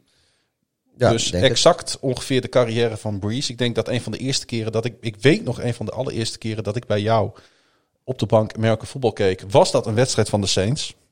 Ik weet wel dat we een keer verschrikkelijk dronken zijn geworden bij die openingswedstrijd tussen de Saints en de Packers. Dat was ook mooi, hè? Omdat wij hadden afgesproken dat we, dat we een shotje tequila zouden doen bij iedere touchdown. Normaal gesproken deden we dat alleen bij iedere Bears touchdown of bij iedere Ravens touchdown. En beide teams waren niet echt aanvallende powerhouses in die tijd. Dus eh, dat was wel redelijk veilig. Maar toen waren we zo blij dat het seizoen weer begonnen was. Dat, eh, dat toen hadden we zoiets. Die eerste wedstrijd gaan we lekker samen kijken. En iedere touchdown wordt een shotje. En het was eh, de Green Bay Packers tegen, tegen de New Orleans Saints met, eh, met Rodgers en Breeze. En er was echt een shootout. Van iedere, ieder, volgens mij was, vo- weet ik, volgens mij elf, elf touchdowns of zo in die wedstrijd in totaal. Of misschien zelfs nog wel meer, ik weet het niet. Volgens mij vijf, 35, 38 stand of zo. 32, 34 eh, werd het. Oké, maar volgens mij was de... Was 9 september 2011. Volgens mij was het bij rust was het al redelijk eh, stand bereikt. Want volgens mij hebben we toen zoiets al van, nou, we stoppen met die tequila. Sindsdien heb ik ook nooit meer tequila gehad. Ik kan dit, die geur alleen al niet meer verdragen. Dat was die wedstrijd. Ik was stondronken. Ja, maar ja, misschien ook omdat we tussendoor nog gewoon bier dronken natuurlijk. Maar wat ik even wil aangeven is inderdaad... Ja, Dankjewel, Drew Brees. Door Nou jou ja. lus ik geen tequila. Ook Meer. dat, maar ook gewoon, zolang ik NFL kijk, was Drew Brees daar. Dat, Ja. is, eh, ja, is toch bijzonder of zo. Ik, ik, ik, eh, opeens is, is hij er dan niet meer en breken de nieuwe tijdperken aan. En word ik een veteraan kijker op deze manier. Ja, Waar ik me 15 jaar rookie heb gevoeld, hè, is het opeens voorbij. Ik heb zelfs nog even getwijfeld of de nieuwe Orleans Saints niet mijn favoriete team moest worden. ik ben blij dat je dat niet gedaan hebt. Nou ja, weet ik niet. Het is, een, het is op zich een prachtig team in een geweldige stad. Maar eh, goed, ik heb een andere keuze gemaakt en daar ben ik ook erg blij mee. Ehm, ja, maar goed. Mocht dit de laatste wedstrijd van Breeze zijn, Pieter, dan is het niet een wedstrijd om te herinneren voor hem. Nee, En ook niet voor ons als kijkers. Ach, sorry, die paar domme piks zaten er ook in. Ja, we hebben het hier over de NFL's all-time leader in completions en passing yards. Hè? Meer dan 80.000 eh, passing yards, geloof ik. Ja, en, en dan, en dan ja, gooi je, ho- gooit hij in deze wedstrijd ho- voor 134 yards en ja, drie intercepties. Ja, hij zei dan wel, ik had ze niet mogen gooien, ik heb te veel geforceerd. Ja, was, was het niet zo Nou ja. dat, er, eh, dat er, geloof ik, maar acht keer een eh 5000 plus yard seizoen gegooid is door een NFL quarterback? En dat drie van die seizoenen was Drew Brees. Ja. En een andere grappig statistiekje was is dat eh, drie van de quarterbacks uit, uit die allemaal een 5000 yard seizoen hebben gedraaid, hebben in die wedstrijd een touchdown pass gegooid. Oké, Want James Winston heeft ook een Ja, 5000 yard seizoen. Ja, dat is dan wel weer grappig inderdaad. Ehm, ja, weet je, ik vond het een beetje treurig en ehm, ja, het, het, het, kondigde zich op een gegeven moment tijdens de wedstrijd aan. De box kreeg steeds goede field position. Hele goede field position. Bucks defense was ook, speelde ook best goed. Maar ja, nogmaals, weet je, Breeze, eh, ja, het, het, het, het- kijk, die, die touchdown pass ook, die er dan uiteindelijk van, van, van James Winston dan is. Dan denk je van, ja, had Breeze die bal zo ver kunnen gooien? Waarom, waarom is Winston daarvoor in het veld gebracht? Mhm. Voor die play, waarom? Ik bedoel, we hebben een week eerder, eh, deden de Bears dezelfde play. Nou, het ze ook gewoon Trubisky eh, die, dat, eh, die, dat, die dat deed. Ik vond het wel awesome om te zien. De Ja. play was awesome, goed uitgevoerd. Maar ook het feit dat James Winston aan de basis stond. Ja. Ja, vond ik gewoon tof. Ja, nee, dat, dat is ook zo. En ik zei het op Twitter ook al. Ik vond het dus wel grappig dat juist toen die tv-commentatoren, god, ik, volgens mij was het Joe Buck, eh, Mhm. dat was, die zei van ja, en Peyton die ligt tot, eh, tot diep in de nacht, Ja. ligt hij wakker plays te designen. En dit is dan het resultaat. Het was exact dezelfde play call als vorige week natuurlijk. Ja. Ja. En nou, toen, ik zag volgens mij ook eh, iemand op Twitter die had het erover van ja, in 2006 of zo deden de Dolphins dat. Ja, dat, dat, dat zal inderdaad ook. Ik, ik denk dat de kans groter is dat, de- dat de Saints dit uit vorige week getrokken hebben dan uit, uit 15 jaar geleden. Maar ja, het was, het was heerlijk om te zien. En ook gewoon echt heel fijn om te zien hoe het, eh, hoe het ook kan lopen als die play eh, gewoon wel op alle stations eh, goed wordt uitgevoerd. Maar ergens wel raar dat de Drew Brees niet voor, die, voor die play... En dan denk ik van ja, zou, zou dat nou zijn omdat Drew Brees gewoon die, die kracht niet meer heeft om dat te doen? Dat denk ik niet. Ik denk dat het gewoon designed is. En dat ze deze play klaar hadden staan. Van die gaan we sowieso op een gegeven moment in de wedstrijd doen. En ik moet zeggen, ze deden hem ook op, op het goede moment. Eh, want ze, eh, toen zaten ze nog in de wedstrijd. Ja, Ondanks alle turnovers. Eh, ik wil nog even één naam eruit pikken. Ik ga niet alle plays, niet alle touchdowns bij langs. Maar Bucks safety Antoine Winfield Jr. Die wist de bal namelijk uit de armen van Cook te boksen. Waarop die linebacker, Devin White was het volgens mij, de bal oppikte. Retourneerde en toen hadden we weer de Bucks goede field position. Maar die Antoine Winfield Jr. en hij valt met het hele seizoen al op. Dat is dus een rookie. Ja, weet je, hij werd trouwens ook door die, door die ehm, American Writers eh, Association werd hij ook in het eh, rookie team van het jaar werd hij, eh, werd hij gezet. Ja, weet je, er zat veel, weet je, zie ik ook deze spelen. Er zat zoveel, er zijn, zitten- zijn veel goede rookies dit jaar. Ik vind de klas echt heel sterk. En ik Ja. weet het niet of het komt omdat ik er nu veel meer op let, omdat wij deze podcast hebben gemaakt. Maar ik kan me dit niet van andere jaren herinneren dat er zo verschrikkelijk veel rookies zijn geweest Ik- die zoveel impact hebben gemaakt. Ik denk, ik, ik denk wel dat het ermee te maken heeft dat wij eh, nu ook anders kijken. Want ik, ik kijk ook veel meer naar wat andere teams doen. Ja. En welke, wat voor spelers daar zijn en, en hoe die presteren dan dat ik dat normaal deed. Eh, en ik, ja, dat komt inderdaad eh, ook door deze podcast. Normaal gesproken let je, let je echt op je... Nou ja, toen speelde ik nog fantasy voetbal. Dan let je eigenlijk op wat, wat jouw fantasy spelers doen bij de andere wedstrijden. En nu merkte ik gewoon dit, en dat komt denk ik door die podcast. Ik keek gewoon veel opener naar, naar het seizoen, zeg maar, naar, naar andere wedstrijden, naar, naar Red Zone, naar, naar gewoon eh, Thursday Night Football als ik, eh, als ik wakker was. Dus ja, dat, ik, voor mij is dat, heeft dat de sport veel leuker gemaakt. Dus ik, ik, maar ik durf dus niet te zeggen of het inderdaad nou een, een, een bizarre sterke rookie class is, of omdat ons gewoon heel veel dingen opvallen. Nou, ik zit, zat er zo een beetje naar te kijken. En ik denk op offense. Natuurlijk Justin Herbert, geweldig gespeeld. Eh, James, James Robinson bij de Jaguars. Echt een hele goede running back.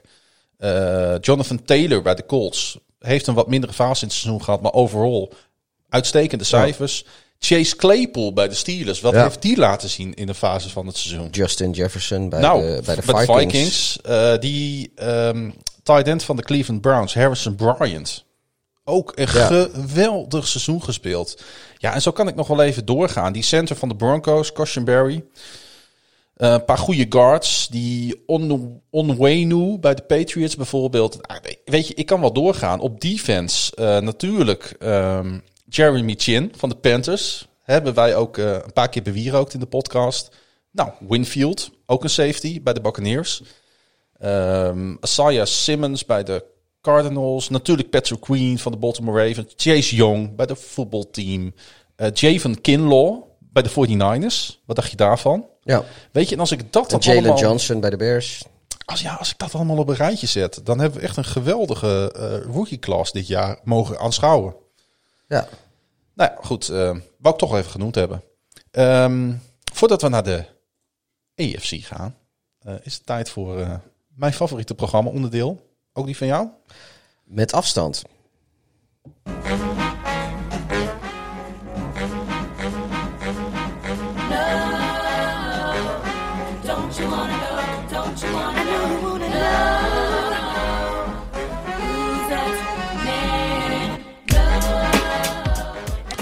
De Who's That Man van deze week is niet een speler die ons ehm, opgevallen is. Maar wel een speler die ooit opviel. Het is namelijk een, eh, een, eh, een, eh, nou, een geest uit het verleden. Gaat een beetje ver om dat te zeggen. Het is een speler uit het verleden. En ik ga zo meteen ook uitleggen waarom ik hem heb uitgekozen. En wat, de, ehm, wat het lijntje is naar de playoffs in dit geval. Het gaat over Takio Spikes. Ik ben benieuwd. Ehm, en zoals altijd beginnen we bij het begin, want Takio Spikes is al een tijdje niet meer actief in de NFL. Zijn laatste seizoen was in 2011-2012. Takio is nu 44 jaar en werd geboren op 17 december 1976 in Augusta. Spreek ik dat goed uit? Augusta in Georgia. Augusta, Georgia. Augusta, ja. Ja, de vaste luisteraar die weet het ondertussen wel. Wij zijn dol op geografie. Jij ook. Ja, enorm. Eh, want waar ligt Augusta? Dat ligt aan de Savannah River. Eh, wat ook de grens is tussen de staten Georgia en South Carolina. Alleen Atlanta is in Georgia een grotere stad. Dus Augusta is echt een behoorlijke stad. Het ligt in Augusta, Richmond County. En het heeft zo'n 200.000 inwoners. En daarmee is het iets groter dan de gemeente Breda. En iets kleiner dan de gemeente Almere. Zo. Hebben we daar ook even een beetje. Dat is, dat is dus slechts de tweede stad van Georgia. Georgia is natuurlijk niet een hele dichtbevolkte eh staat. Op natuurlijk dat hele gigantische grote Atlanta na. Ja. En wanneer je iemand op straat tegenkomt in Augusta, is de kans erg groot dat het een eh, gelovig iemand is. Want alleen al de Southern Baptist Convention, daar zijn 114.000 mensen lid van. Dus meer dan de helft van Dus de- meer dan de helft van de inwoners van deze county hoort bij die kerk. En dan zijn er ook nog heel veel andere kerken. Dus ik zag ergens dat ongeveer 96% van de inwoners een kerkelijke achtergrond heeft of is ingeschreven bij een kerk. En ehm, daar staat dan weer tegenover dat de belangrijkste werkgever Fort Gordon is. En dat is een grote militaire basis in heel Amerika eigenlijk wel bekend. Ehm, maar even terug naar Tequio. Tequio heeft namelijk voor een Afro-Amerikaanse speler met Afro-Amerikaanse ouders natuurlijk best een rare voornaam. Heb je enig idee waar deze naam vandaan komt? Ik, Tequio? eh, nou, ik, ik, je hebt me al verteld, dus ik speel een beetje vals. Maar Oh. hij eh, zou vernoemd zijn naar eh, de Japanse minister-president eh, Taki, tak, tak, Takio Miki. Takio Miki, Taki, Takio Miki. die eh, deze Takio? functie bekleedde van 1974 tot 1976. Nee, 1976, het geboortejaar van onze Tequio. Eh, de ouders van Tequio zagen deze naam voorbij komen op het nieuws. En ze vonden het zo'n mooie naam dat ze besloten hun kind maar zo te noemen. Groot was dan ook de teleurstelling toen Takio Miki in hetzelfde jaar nog als de geboorte van hun Takio aftrad. Groot was de blijdschap toen bekend werd wie de volgende minister-president van Japan werd. Namelijk Takio Fukuda. Weer een. Takio. Weer een Takio. Dat was mooi. is toch te bizar dit. Je zou denken dat, eh, dat heel Japan gevuld is met Takio's. Ja, ik had nog nooit van deze naam gehoord. En dan lees je... Het enige wat ik weet Dan kom je was... hierachter. In de jaren negentig had je zo'n Japanse coureur in de Formule 1. Die heette Taki. Taki Inoue. Dat is informatie. Brand new information. Brand new information. Elders in de familie gaf men eh, wel normale namen aan de kinderen. Zo heet zijn jongere neefje, het jongere neefje dus van Takio, eh Brandon Spikes. En die kennen we als voormalig linebacker van de Patriots uit New England. Ja, en de Bills. En de Bills. Takio ging in zijn jeugdige jaren naar Washington County High School in Sandersville. En verdiende All-American Honors van Parade. Dat is een landelijke zondagskrant. In en USA Today. Ook geen kleine krant in Amerika. Nee. Door eh, state coaches werd hij als senior uitgeroepen tot Georgia's Mr. Football. En alsof dat nog niet genoeg was, werd hij ook nog eens uitgeroepen tot Georgia Player of the Year. Het was dan ook niet zo raar dat onze Who's the Man op een grote universiteit als Auburn University terechtkwam. Jij weet iets meer van college. Volgens mij is dat een behoorlijke eh, college of een, ehm, ja, een college met university moet ik zeggen met aanzien. Ja, Auburn, dat, eh, ja, die zitten daar natuurlijk in, het, eh, in de Dirty South. In Ja. de Dirty South bij eh, Auburn is dat, dus volgens mij is het Mississippi Dat weet ik zo of niet. Alabama, een van de twee. Maar wel daar. Volgens mij eh, Mississippi. ja, volgens mij ook. En eh, ja, Maar goed, eh, weet je, hij, het kondigde zich al aan dat hij bij zo'n grote university terecht zou komen. In het seizoen 1997 leidde hij eh, bij Auburn met 136 tackles en speelde ze in de SEC Championship Game tegen de Tennessee Volunteers. is Auburn, Alabama. Kijk. Eh, ze verloren deze wedstrijd trouwens met 30-29. En wie was de quarterback bij de Volunteers die wedstrijd? Eh, bij de Volunteers? Ja, Oh, dan moet ik even eh spieken. Peter Manning. Die was inderdaad volunteer. Ja, vond ik dan wel weer grappig dat ik dit tegenkwam in de, eh, in, de, in, de, in de tabellen. Spike speelde wel ehm, een dusdanig goede wedstrijd dat hij werd uitgeroepen tot MVP. Nou, Takio echt, echt een geweldige carrière. Deed in 1998 mee aan de NFL-draft en werd in de eerste ronde gekozen door de Cincinnati Bengals. In zijn rookiejaar was hij starter in alle preseason games en alle regular season games. En al in 1999, dus een jaar later, werd hij teamcaptain. Zo. En speelde hij alle wedstrijden. In 2000 speelde hij opnieuw iedere wedstrijd. En hij voerde het team aan in fumble recoveries. In 2001 miste hij de eerste wedstrijd door het overlijden van zijn vader. En hij droeg het seizoen en de rest van zijn loopbaan ook gelijk op aan zijn vader. 2002 was zijn laatste seizoen bij de Bengals en uiteindelijk speelde hij dus 79 van de maximale 80 wedstrijden. Dat vond ik wel echt een hele Ja, dus hij stat. heeft, eh, het is alleen maar een wedstrijd dus gemist voor de begrafenis van zijn vader. Juist. Nou, vind ik op zich een valide reden om een wedstrijd te missen. Nou, dat en dus de rest van de wedstrijd alles gespeeld. Ja.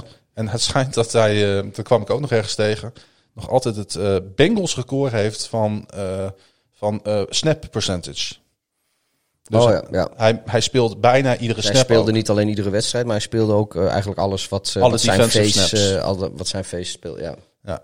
Ehm, het beste record dat hij wist te bereiken met de Bengals was 16. En nu komt het. Sparks vond het na vijf jaar wel best. Hij gaf aan liever te willen spelen voor een playoff contender. En dus vertrok hij in 2003 naar de Bills. Die in het eerste decennium van deze eeuw geen enkele keer de playoffs haalden. Het is een beetje, doet me een beetje denken aan eh Piers Ikedia, die eh, FC Groningen verruilde voor RBC Roosendaal, omdat hij wel eens voor de Champions League mee wilde doen. Dat, zo, zo voelt het inderdaad een beetje. Was hij, nu, nu komt het, was hij bij de Bengals gebleven, dan had hij ondertussen een divisiekampioenschap en het behalen van play-offs kunnen vieren. Maar goed, hè? je kunt niet altijd de goede keuzes in het leven maken. We gaan door. Spike speelde tot 2006 in Buffalo. Geen play-offs. In 2007 maakte hij de overstap naar de Philadelphia Eagles. Op zich logisch, want die hadden het jaar daarvoor immers de play-offs gehaald. Maar de Eagles kwamen tot 8-8 en Geen play-offs. liepen de play-offs mis. Nou, zeer ongebruikelijk overigens voor Andy Reid, die bijna ieder jaar als coach de play-offs heeft gehaald. Spikes vertrok teleurgesteld naar de 49ers in 2008, waar hij, wat denk je, play-offs misliep. Terwijl de Eagles dat jaar de Conference Championship game bereikten. Takio bleef tot 2010 bij San Francisco. Nou, nog steeds geen play-offs. Dus vertrok onze vrolijke vriend in 2011 het rookiejaar voor headcoach Jim Harbaugh. Die gelijk 13-3 ging en de Conference Championship game behaalde. Oh, ja, hij kwam terecht bij de Nor- North Turner Chargers. Takio was ondertussen neergestreken inderdaad in San Diego, waar de Chargers gecoacht werden door North Turner. Wat denk je? Geen play-offs. Geen play-offs. Hij ging in 2013 met pensioen. En wat denk je in dat jaar? Play-offs. Hadden de Chargers de play-offs. Waarin ze van Cincinnati wonnen in de wildcard round. Die man die heeft eh, niet zo'n hele gelukkige hand in het kiezen van, eh, van zijn volgende bestemming. En het moment waarop hij zijn huidige club moet verlaten, eh, Ja. heb ik zo het idee. En dan is het, zijn het uitgerekende Chargers die in het jaar dat hij met pensioen is gegaan tegen zijn Oud- eerste ja. team in de playoffs komen te spelen. Ik dacht van dit is zo'n mooi verhaal. Ja, ik vind het... ik snap wel dat onze luisteraars er altijd weer van genieten. Tikio mooie- speelde dus 15 jaar in de NFL voor vijf NFL-teams. Nooit haalde hij playoffs. De Bengals haalden de playoffs vier keer tijdens zijn carrière nadat hij wegging. De Eagles haalden het na seizoen zes keer voordat hij er speelde en drie keer nadat hij weg was. San Francisco haalde de playoffs in de laatste twee jaren dat Spikes in de NFL speelde, inclusief een trip naar de Super Bowl.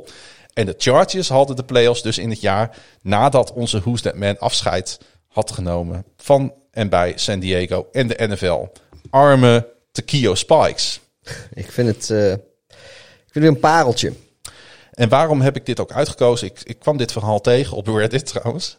En ik dacht, weet je, ehm, het is gewoon best wel heel bijzonder als je playoff speelt. Ja. En als je dat haalt als speler of als fan van een bepaald team. Want ook zo kan het gaan. Er zijn ook gewoon echt hele goede spelers die, eh, die, die dit niet, eh, niet, nog niet gehaald hebben. Nee. Ik bedoel, voor, ik kan me vergissen, maar volgens mij bijvoorbeeld Brandon Marshall, de receiver. Dus niet die, eh, die linebacker van de, van de Broncos. Mm. Maar die receiver die ook voor de Broncos speelde en voor de Bears en de Dolphins. En ik weet niet waar hij nog meer geweest is, maar die Ja. heeft volgens mij ook nooit, eh, nooit playoffs gespeeld, als, ik me, het- als ik me het goed herinner. Nou, weet je, maar ik, Terwijl het ook echt een hele goede receiver was. Deze jongen heeft op zo'n verschrikkelijk hoog niveau ieder jaar overal zijn stinkende best gedaan. Het is, Ja, dit, was, dit is wel next level. Dit is next level inderdaad. En weet je wat mooi is? Tegenwoordig is Spikes coach op jeugdkampen. Waarin hij jonge meisjes en jongens aanspoort hun doelen te bereiken. en dat terwijl hij zijn grote doel dus nooit wist te bereiken. Nou, ik vond het, eh, ik vond het een mooi verhaal. Ik ook. En onze luisteraars ongetwijfeld ook.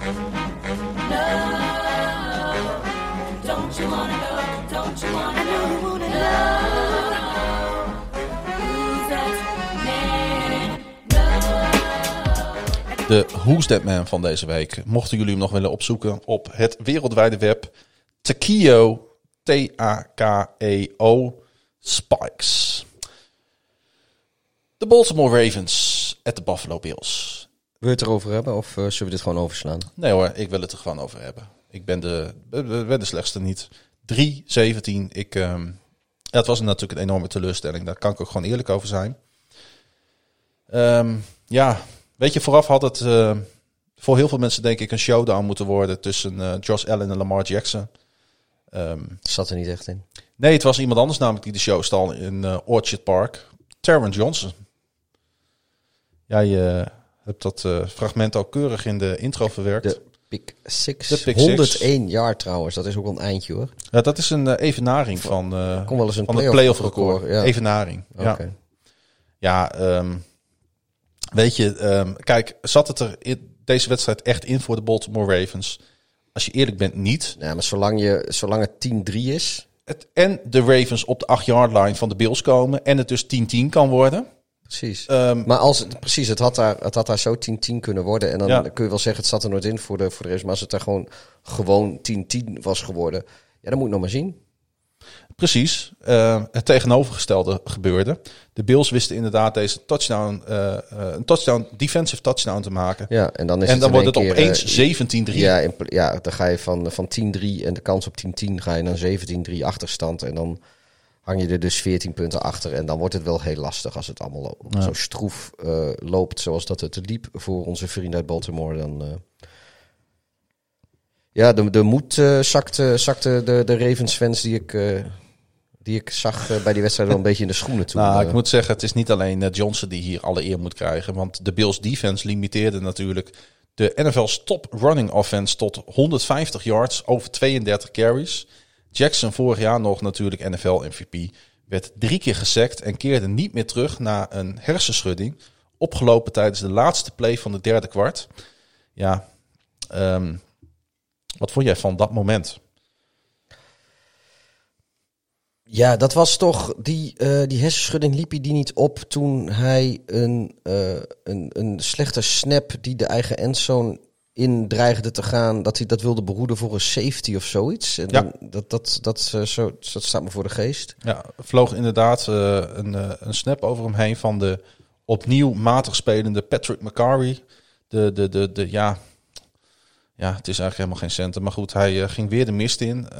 Dan heeft Lamar de snelheid om achter die bal aan te gaan. Die bal op te scoopen en weg te gooien. Daar krijgt hij dan intentional grounding voor tegen. Maar ja, het is buiten de, bui- bui- buiten de, de endzone eigenlijk. Anders was het gewoon een safety geweest. Of zelfs een touchdown. Ja, ehm, achteraf denk ik had in vredesnaam die safety genomen.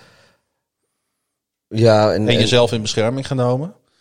Hij deed niet. Hij gooide de bal weg. En, ehm, ja, maar als hij de bal nog had gehad, daar was, was die was, ja, ja, goed, ja, ik weet het niet. Ik, ik weet, ik, het als ze- die safety, daar had hij voor gesekt moeten worden, eh, dan had hij waarschijnlijk ook gewoon een, een, een klap te verduren gehad, eh, misschien wel. Want het was ook niet echt. Ja, dat had gekund inderdaad. Nou, dat is een beetje een Ja, what dit- if verhaal ja. altijd. Maar het was in ieder geval... het is gewoon heel triest het dat, dat hij op zo'n manier. Ja, weet je, kijk, als je als, als Kijk, dat was natuurlijk net zo triest geweest. Maar als hij een, eh, weet ik veel, een 30-yard run eh, had gehad, zoals we die dit seizoen en vorig jaar vaak van hem gezien hebben. En, en dan wordt hij eh, buiten de lijnen gewerkt door een verdediger. En dan komt hij ongelukkig neer en heeft hij een hersenschudding. Is het ook wel, is het natuurlijk ook wel triest. Maar zo'n bad snap, dat, dat, dat, het, het Je wordt in de klungelig. Nou ja, je wordt in de problemen gebracht Ja. door een teamgenoot. ja, En ehm, ik moet wel eerlijk zeggen, ik vond het eh, alles behalve fair play. Want Tremaine Edmonds die hing al aan de benen van eh, Lamar. En toen dook Trent Murphy nog eens bovenop hem. Wat je wel vaker ziet in de NFL. Dat e- eigenlijk wanneer het niet meer nodig is. Maar wanneer het nog wel net mag. Duikt Ja. dan zo'n linebacker op Ja. de quarterback. Ja, en het gevolg was eh, dat hij eh, in eerste instantie roerloos bleef liggen.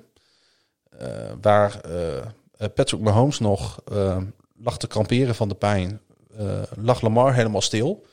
Dus om die twee situaties even naast elkaar te leggen. Ja, Ja, ik vond het vooral een heel triest moment. Maar goed, eh, eh, dat kan ik wel vinden. De Bills die gaan voor het eerst sinds 1994 eh, namelijk door naar de AFC Championship Game. En daar is het wel feest.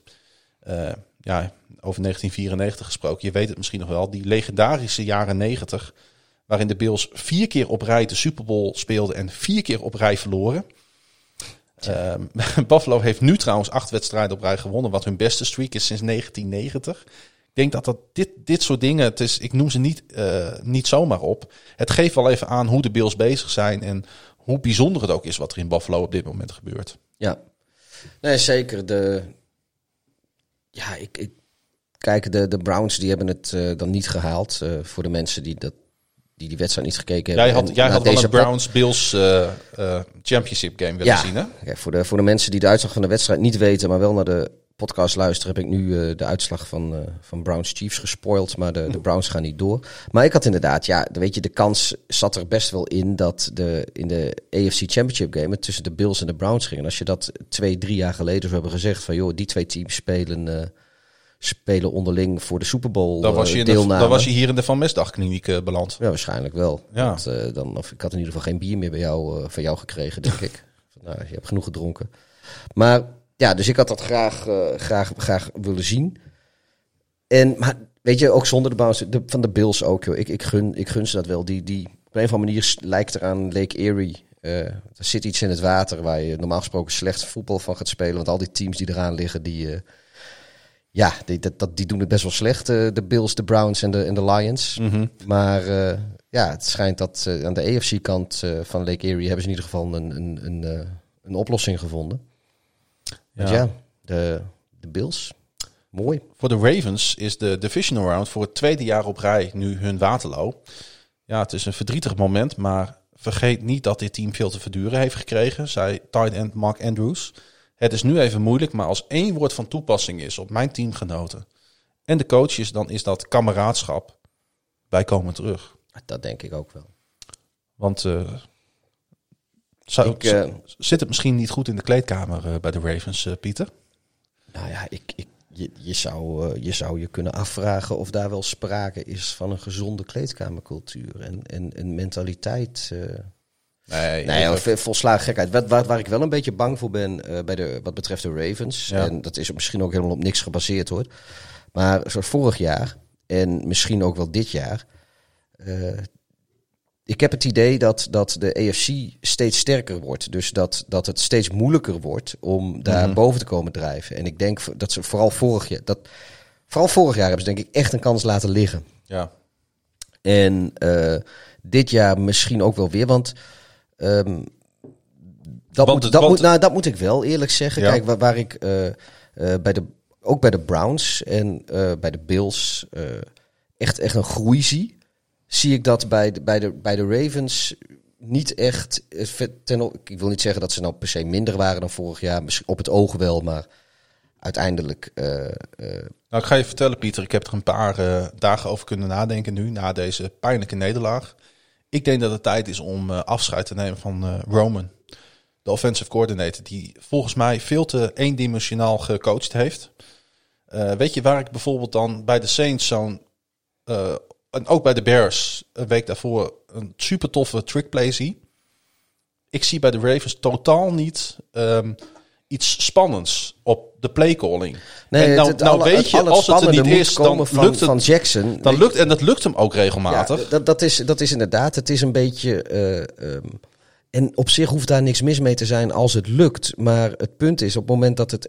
Dat als, als jij eigenlijk een beetje je, je compleet afhankelijk maakt van zo'n zo'n 30 yard eh, of meer rush die eh, Lamar Jackson één of twee keer in een Mhm. wedstrijd uit zijn kont weet te trekken. Of Dobbins. Ehm, Ja, nee, oké, maar dat, dat, dat zijn in principe gewoon... Weet je, dat heeft ieder team met een beetje capabele running back. Die hebben ergens... Dat zijn inwisselbare plays. Ja, nee, die, die, ja kijk, de, je, je X-factor, je, je, je blue chip, zeg maar, bij, bij, als je bij de Ravens zit, is het natuurlijk Lamar Jackson. En, maar Ik, het is eh, wel een, een, een... Ik zou toch wel wat meer variëteit willen zien. Maar, en daar moeten we ook eerlijk in zijn, dan hebben de Ravens ook een, een, een WR1 nodig. Hè? Een echte eh, nummer 1 wide Zijn receiver. ze al heel lang naar op zoek. eh. Ja, en eh, het lijkt er een beetje als, op alsof eh, de Baltimore Ravens al heel lang een kerkhof zijn voor wide receivers. een beetje zoals in Chicago een kerkhof is voor quarterbacks. Ja, geldt dat eigenlijk in Baltimore voor wide receivers. Die, dat, dat, dat, dat, dat lijkt ze maar niet te lukken. voor, voor Allen Robinson. Nou, sterker nog, Allen Robinson, ik denk dat hij vrijkomt als free agent. En er gaan al heel wat stemmen op om hem naar Baltimore te halen. Ja, ik denk dat... En Baltimore is een, een van de vele teams, denk ik, die naar de, naar de hand van Allen Robinson zullen, zullen dingen. Ja, Eh, ik zie de Bears eh, daar nog gewoon een eh, franchise tag op zetten. Om in ieder geval, als ze hem zelf niet, niet houden, om daar trade value voor terug te krijgen. het zou in ieder geval wel heel leuk worden als dat gebeurt. Dat hij naar de Ravens gaat. Dat er volgend jaar Ravens at Bears op het programma staat. Maar dat terzijde. Hey, wat ook opvallend was in deze wedstrijd was de 3-3 tussenstand bij rust. Mede dankzij meerdere gevis, eh, gemiste field goals door de harde en veranderende wind. Ehm, ja, Justin Tucker die miste voor het eerst in zijn carrière twee field goals van binnen de 50 yards in één wedstrijd. Kon hij daar wat aan doen? Nou, dat denk ik niet. Hij was, eh, ze, ze doinkten allebei. Eh, de- zij raakte twee keer. Het was echt heel raar weer, hè? Ja, het was, maar je- omdat hij ook tegen de paal zit, zie je hoe, hoe dicht hij bij was. Kijk, die, eh, die kikker van de, van de Bills miste ook eentje. Hij schoot ook raak, trouwens. Ook twee.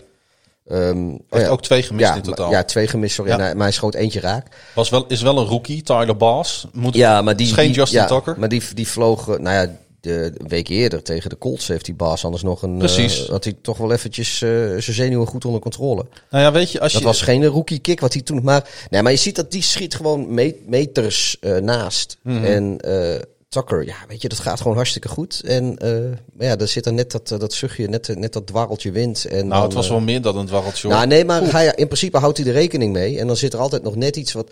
Want hij was zo dichtbij. Terwijl bij, inderdaad, bij. Ik begreep ook dat, eh, zoals bijvoorbeeld die bad snap. Waar, ik weet niet of dat die toevallig die was waar, eh, waar Lamar geblesseerd raakte. Maar eh, ik begreep dat Harbour had gezegd dat zelfs de, de snaps.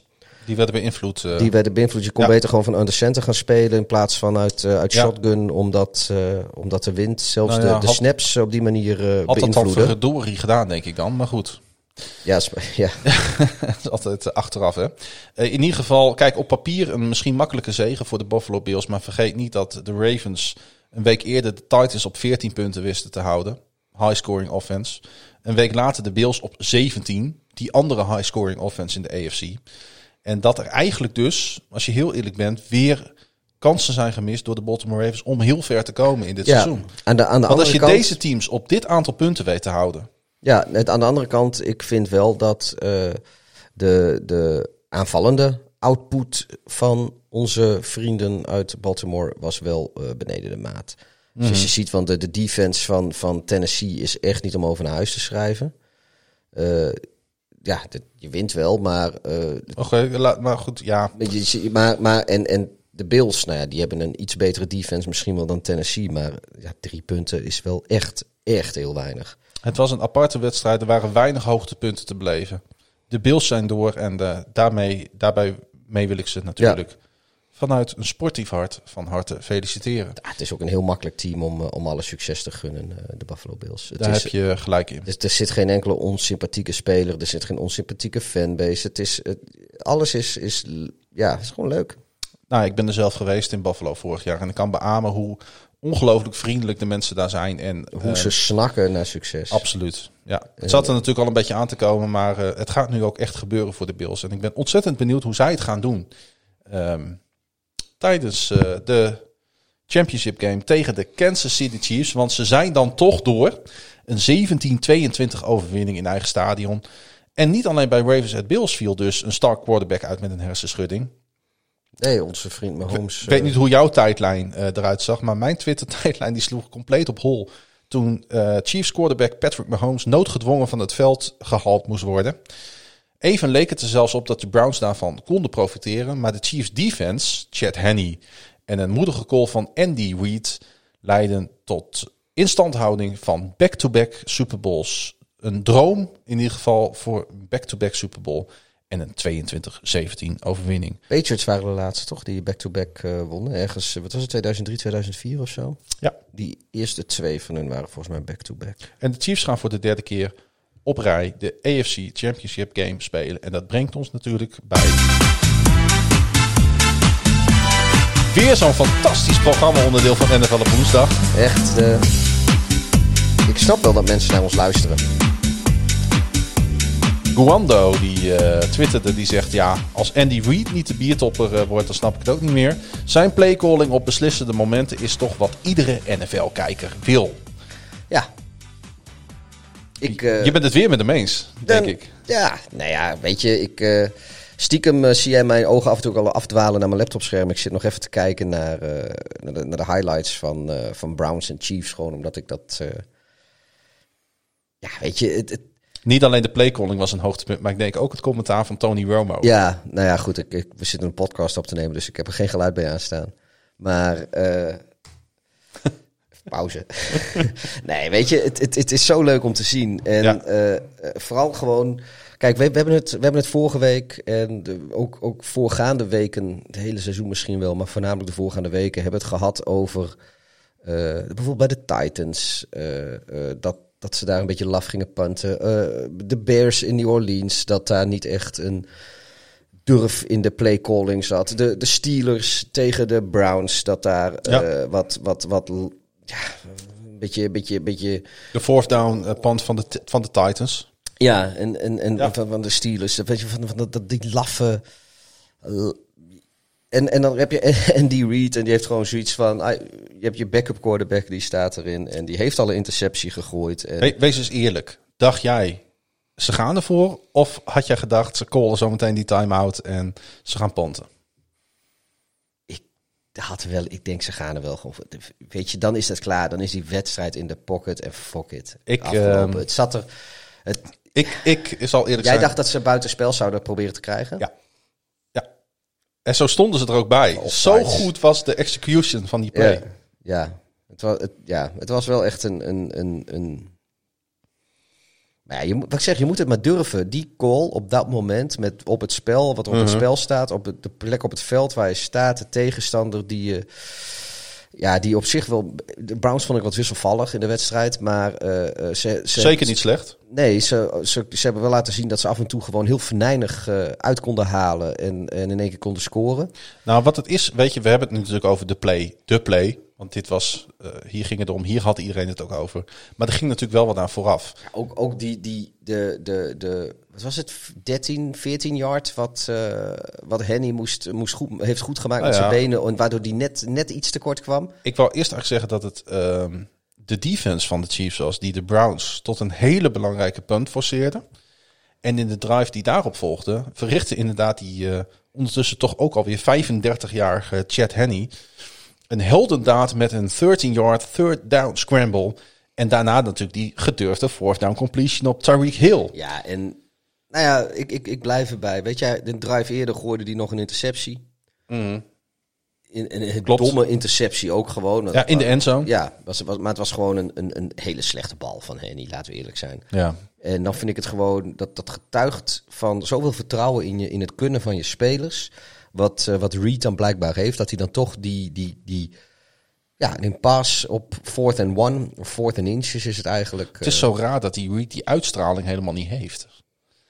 Wat hij dus overbrengt op spelers komt bij mij totaal niet over als ik op de bank naar het gestalte van Ze- Andy Reid zit te kijken. Nee, maar. En eh, dat, voor de goede orde, dat heeft niks met zijn eh, gewicht te maken, maar puur met, met echt, echt, ja, het is ook zo, geen gelaatsuitdrukking. Nee, maar de spelers, iedereen die voor hem gespeeld heeft, iedereen die, die, die uit zijn coaching tree komt, die, die met hem gecoacht heeft, iedereen loopt met hem weg. Ja, En dat, dat zal reden hebben.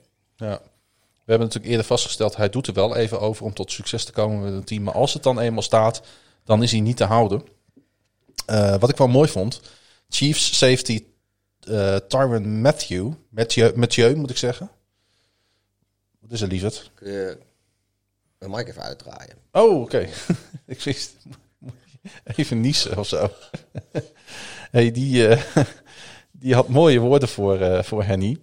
Dit is waarom we zoveel, zoveel van Big Red houden. Want zo wordt hij genoemd, Big Red. Eh, hij levert altijd. Hij is onze spirit warrior. Vond ik ook een mooie uitdrukking. Ook wanneer de camera's niet draaien. Hij probeert altijd nieuwe dingen. Hij heeft altijd die ene play achter de hand. Of, zoals mijn homes tweeten...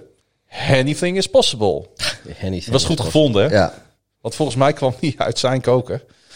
Ik, eh, ik, ik heb even zitten kijken die, Ja. op die hashtag. En hij was eh, volgens mij de eerste in ieder geval die, eh, die wedstrijd, zeg maar.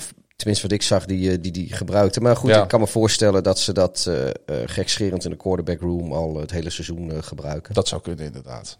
Maar het is toch wel knap van een... ja, Chad Henney. En, ehm, waar kwam hij ook alweer vandaan? Hij stond ergens op de practice squad een jaar of vijf geleden. Ik ben even kwijt wat het was. Ik heb zo'n idee dat is hij niet ergens. eh, ze heeft hij ook niet de poosje ergens daar weer in in in in Calif of eh, Californië, Florida of zo gezeten, Jacksonville of zo. Ja, hij heeft sowieso in Jacksonville gezeten. Maar ik weet niet waar hij zat voordat hij bij de... Waren dat de Bengals? Ik weet het niet meer, joh. Ik weet het gewoon echt niet. Ja, het Nee, even hij, eh, hij heeft de Dolphins natuurlijk van 2008 tot 2011, van 2012 tot 2017 eh, eh, Jacksonville en vanaf 2018 tot en met nu zit hij bij Chiefs. Ah, oké. Dus inderdaad eh, Florida, waar hij zat, en eh, tot, totdat hij naar Kansas City ging. Maar hij zit er al langer dan ik dacht. Ik dacht dat hij er vorig jaar terechtgekomen was, maar eh blijkbaar al twee, twee seizoenen terug al. Ja, of het altijd klopt wat de trainers na de wedstrijd zeggen, dat weet je niet. Maar Andy Reid, die vertelde na de wedstrijd dat hij van tevoren al had bedacht ervoor te gaan in een dusdanige situatie. Met een quarterback als Mahomes is dat natuurlijk ook helemaal geen rare gedachte. Nee. Mahomes had tot de wedstrijd van afgelopen weekend al 21 dagen niet gespeeld. Uiteraard sinds de Chiefs de top seed in de AFC hadden binnenge- binnengehaald, geclinched. En wat mij opviel, er was heel weinig terug te zien eh, van dat hij... Want dat is altijd de vraag, is het nou slim om een quarterback meer rust te geven dan op zich eh, nodig is? Nou, er was bij Mahomes helemaal niets van terug te zien dat dat een issue voor hem was. Nee. En, Want wij, wij, wij twijfelden daar de afgelopen weken natuurlijk al een beetje over. Nou ja, wij, wij hadden. Mijn grootste twijfel was eigenlijk voor, voor wat betreft Mahomes en, en de Chiefs niet zozeer de bye week. Dat was meer de state of mind waar het hele team in zat. Omdat, ja, terecht of onterecht, eh, wij, bij, on- bij ons was een beetje het idee, tenminste bij mij, maar volgens mij bij jou ook, was het idee een beetje, een beetje opgekomen dat. Ja, ik wil het niet langmoedig of, of gemakzuchtig noemen, maar dat, dat, dat ze eh, en freewheelen naar de playoffs is misschien ook wat, wat te sterk aangezet. Maar op de een of andere manier, eh, het werd allemaal eh, best wel spannend. Leken die wedstrijden te zijn. En, en af en toe dan, dan zetten ze een tandje bij en dan, dan, dan hielden ze even weer afstand. Dus ze wonnen wel steeds.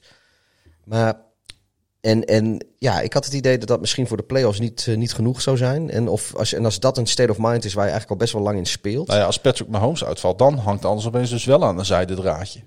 En dan heb je opeens dus die defense die opkomt dagen. Ja, dat is dan ook wel heel erg fijn natuurlijk. Ja, Een beetje net als bij de Packers. Op het moment dat het even moeilijk lijkt te worden, staat opeens je defense er weer. Ja, en, en dan heeft, heb je ook als eh, tegenstander. En ja, dat is dan onder een van de verschillen tussen een team als de, de Chiefs en de Packers. En bijvoorbeeld de, de Rams en de, de Browns. Dat eh, dan heb je die strohalm. Precies. Maar je moet dan. Het is de enige die je krijgt. En als je, als je die om wat voor reden dan ook eh, eh, loslaat. Of, of als je Mhm. niet, niet profiteert van, van dat kruimeltje. Ja, dan, dan hou maar op. Want dan, dan lukt het je gewoon niet. Ja, En, Wat frustrerend. moet en dat zijn. zijn, dat zijn nou juist de teams die, die ieder, ieder kruimeltje die zij toegeworpen krijgen, die, die vreten ze meteen op. Nou, Miles En de, en de kruimels die zij laten vallen. Ja, de, hun tegenstanders. Ja, het is, Nou, Miles Garrett die noemde het, wat jij nu no- zo benoemt, dat kruimeltje, zo benoemde Miles Garrett het ook. Die zei ook, we hebben een paar keer hadden we die momenten in de wedstrijd dat je weet, nu kan het gebeuren.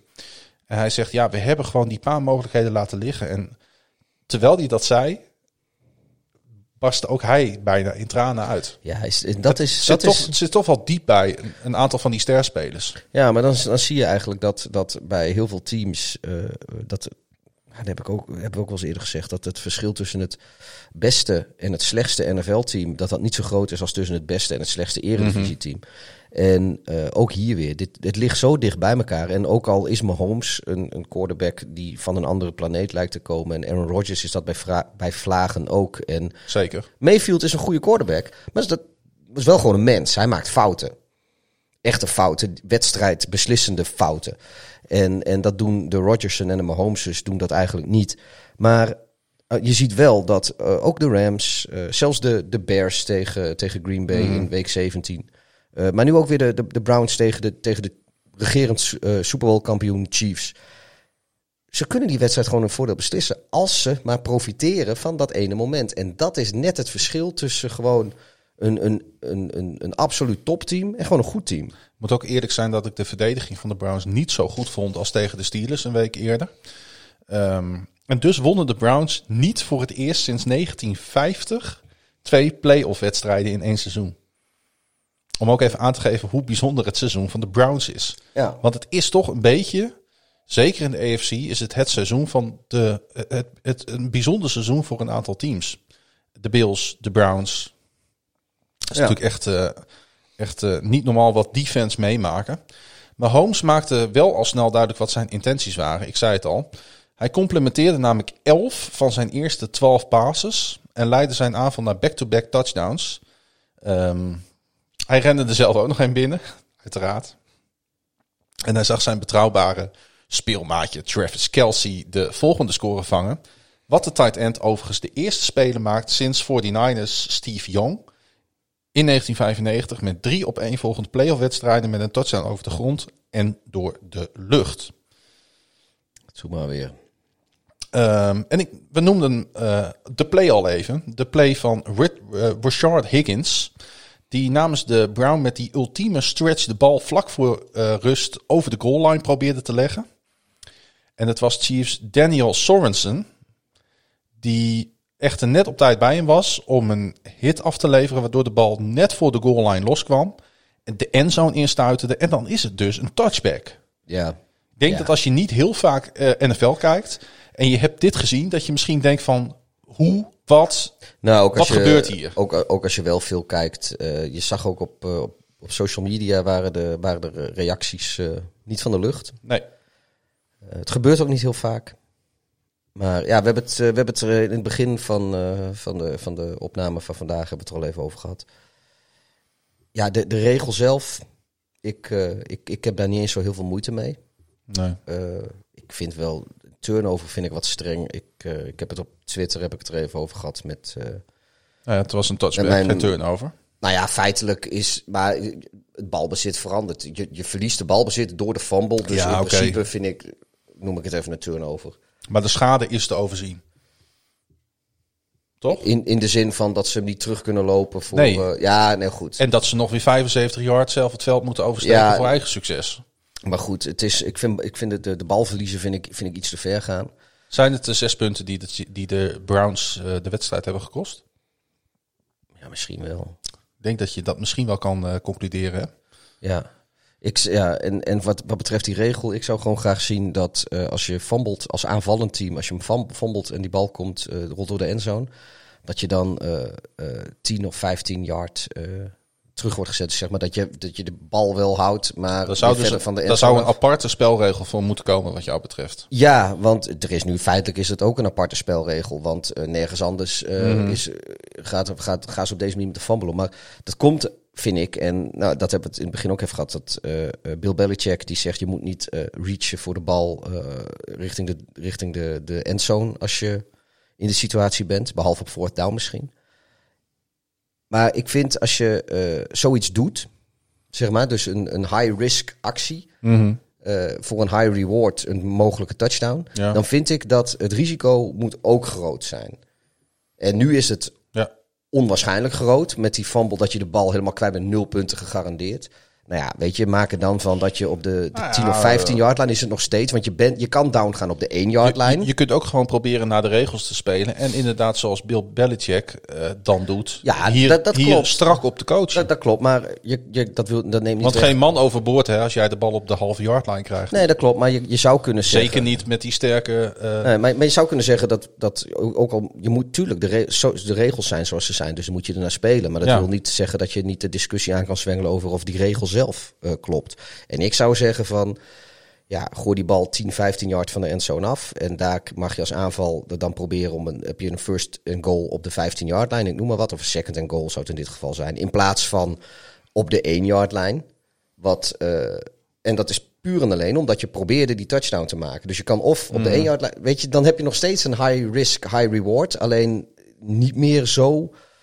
Ik zie hem. Aan de eh, andere kant- Ik zie hem niet helemaal voor me, eerlijk gezegd. Aan de andere kant, de, de aanval is al zo verschrikkelijk in het voordeel in, eh, in de NFL met Ja, heel veel regels. dat- Dat, eh, dit precies. is dan een van die regels die mag de defense lekker houden om, als voordeeltje. Nou ja, alsof het voor rust al niet complex genoeg was, werd het pas serieus interessant in het derde kwart. Mayfield gooide een interceptie. Butker miste een field goal.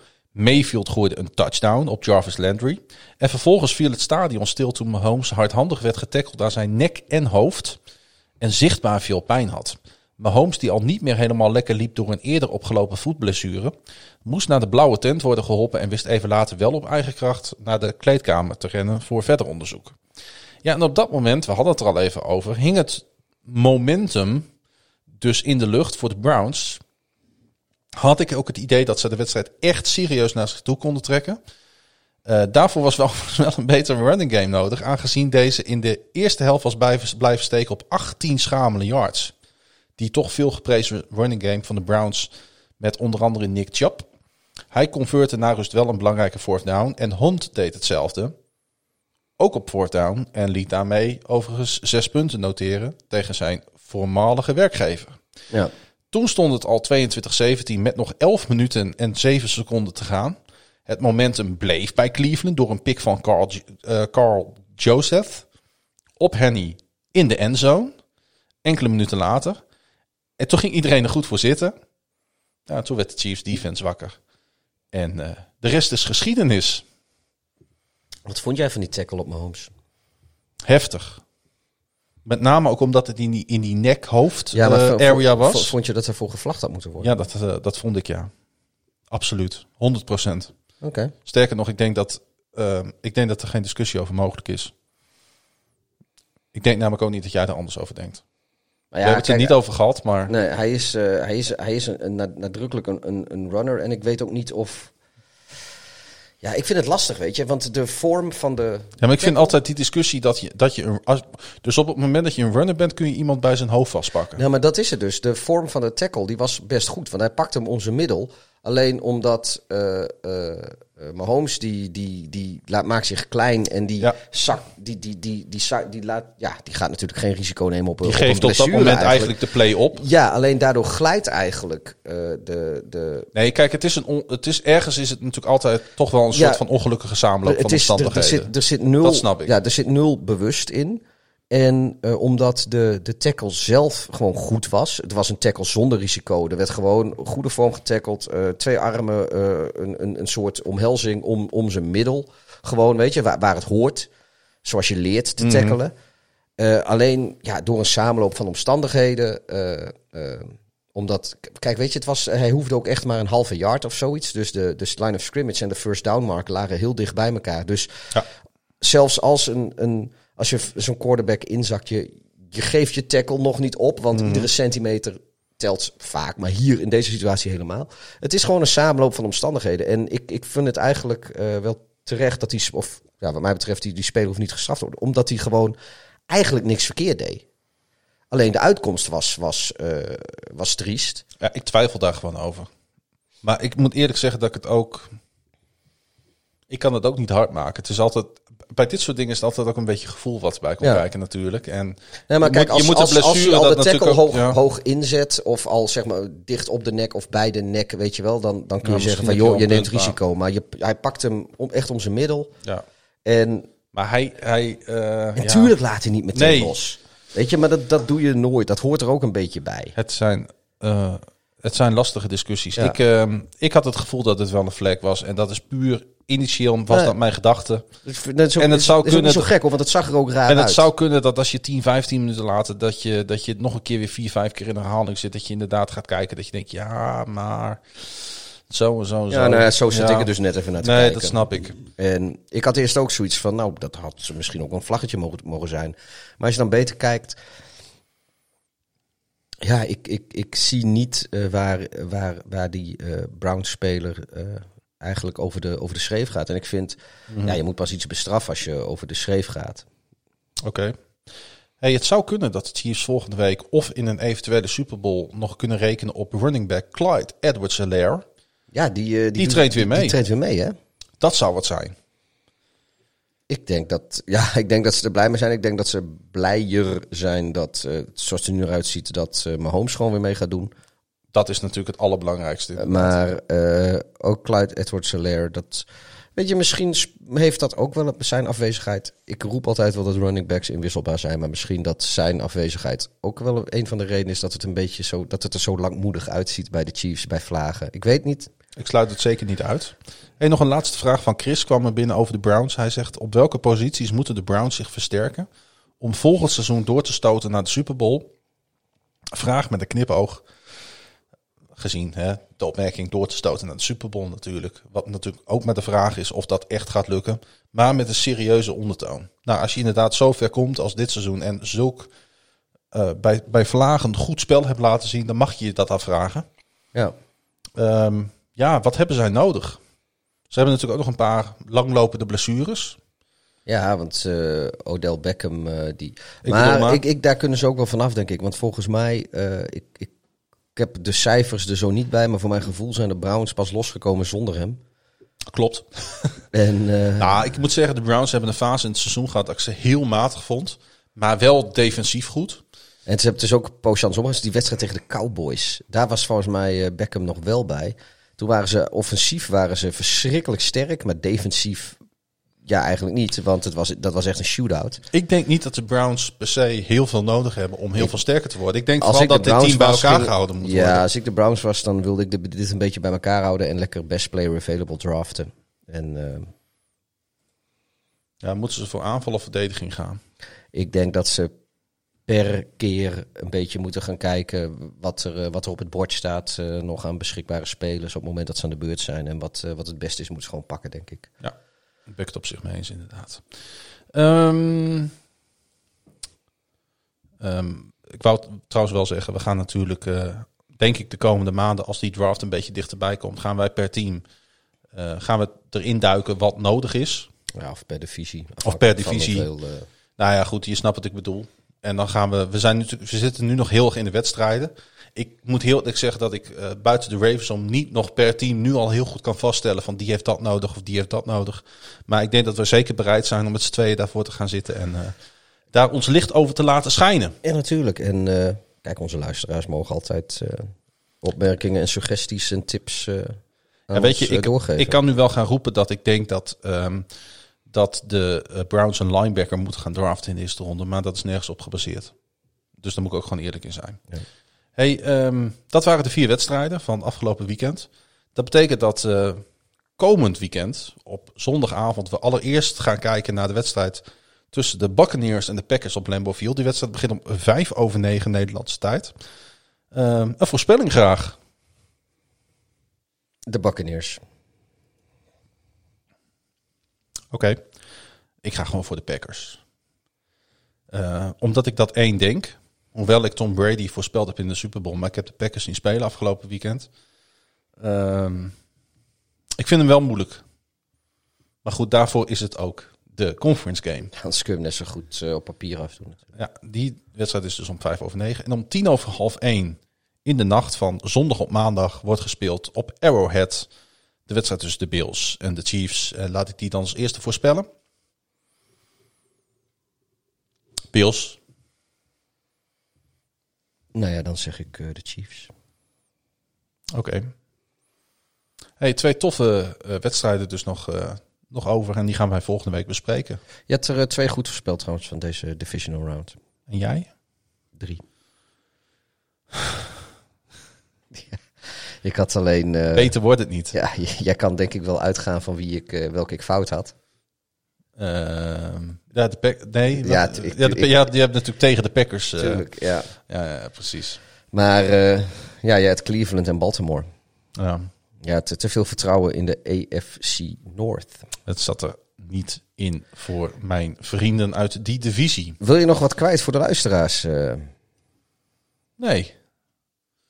Ik ga zo meteen nog een lekker afsluitend biertje met jou drinken. En dan gaan we de podcast uploaden. ja. En als je dat nu hoort, dan hebben we dat al gedaan. ja, dan is het alweer, eh dan is, is het alweer bijna woensdag. Ja. Hey jongens, eh, bedankt voor het luisteren. Dit was seizoen 1, aflevering 19 van NFL op woensdag. Je kan ons volgen op eh, diverse social media kanalen. Twitter, Facebook, Instagram. NFL op woensdag. Je kan ons ook op Twitter volgen. Pieter via...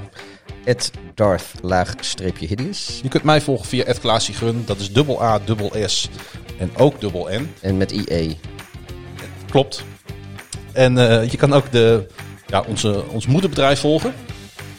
Ja, dat, ik- maar waarom zou... Ja, ik, ik, ik, ik, ik kan er iedereen aanraden om dat te doen hoor, maar eh, die, die zijn niet heel erg actief op Twitter. Nou ja, Eh, stel nou dat je bijvoorbeeld een bedrijf hebt en je wilt een podcast laten produceren. Dan kan je contact met ze opnemen via social media. oh, at KVM Media. Of kijk even op kvmmedia.nl. Sta ik ook op met een voorstelstukje. Kun je ook zien welke andere podcast ik, eh, ik host. En welke andere podcast er gemaakt worden door KVM Media. Eh, ik denk zet- dat de vaste luisteraars het inmiddels wel weten welke het zijn. ik denk het ook. We gaan, eh, we gaan ze dit keer ook eh, gewoon niet opnoemen. Nee. Ehm, ik wil iedereen alvast heel veel plezier wensen. Komende zondag bij eh, deze twee mooie wedstrijden. Met de Buccaneers at Conference Packers. Championship Weekend. Bills at Chiefs. En eh, ik wil iedereen bedanken voor het luisteren naar... Eh NFL op woensdag. eh, Op woensdag. NFL op Wat zeg je nou? Ik zei NFL op woensdag. Op woensdag. Op woensdag, inderdaad. Eh, beste maar weer. Beste mooie.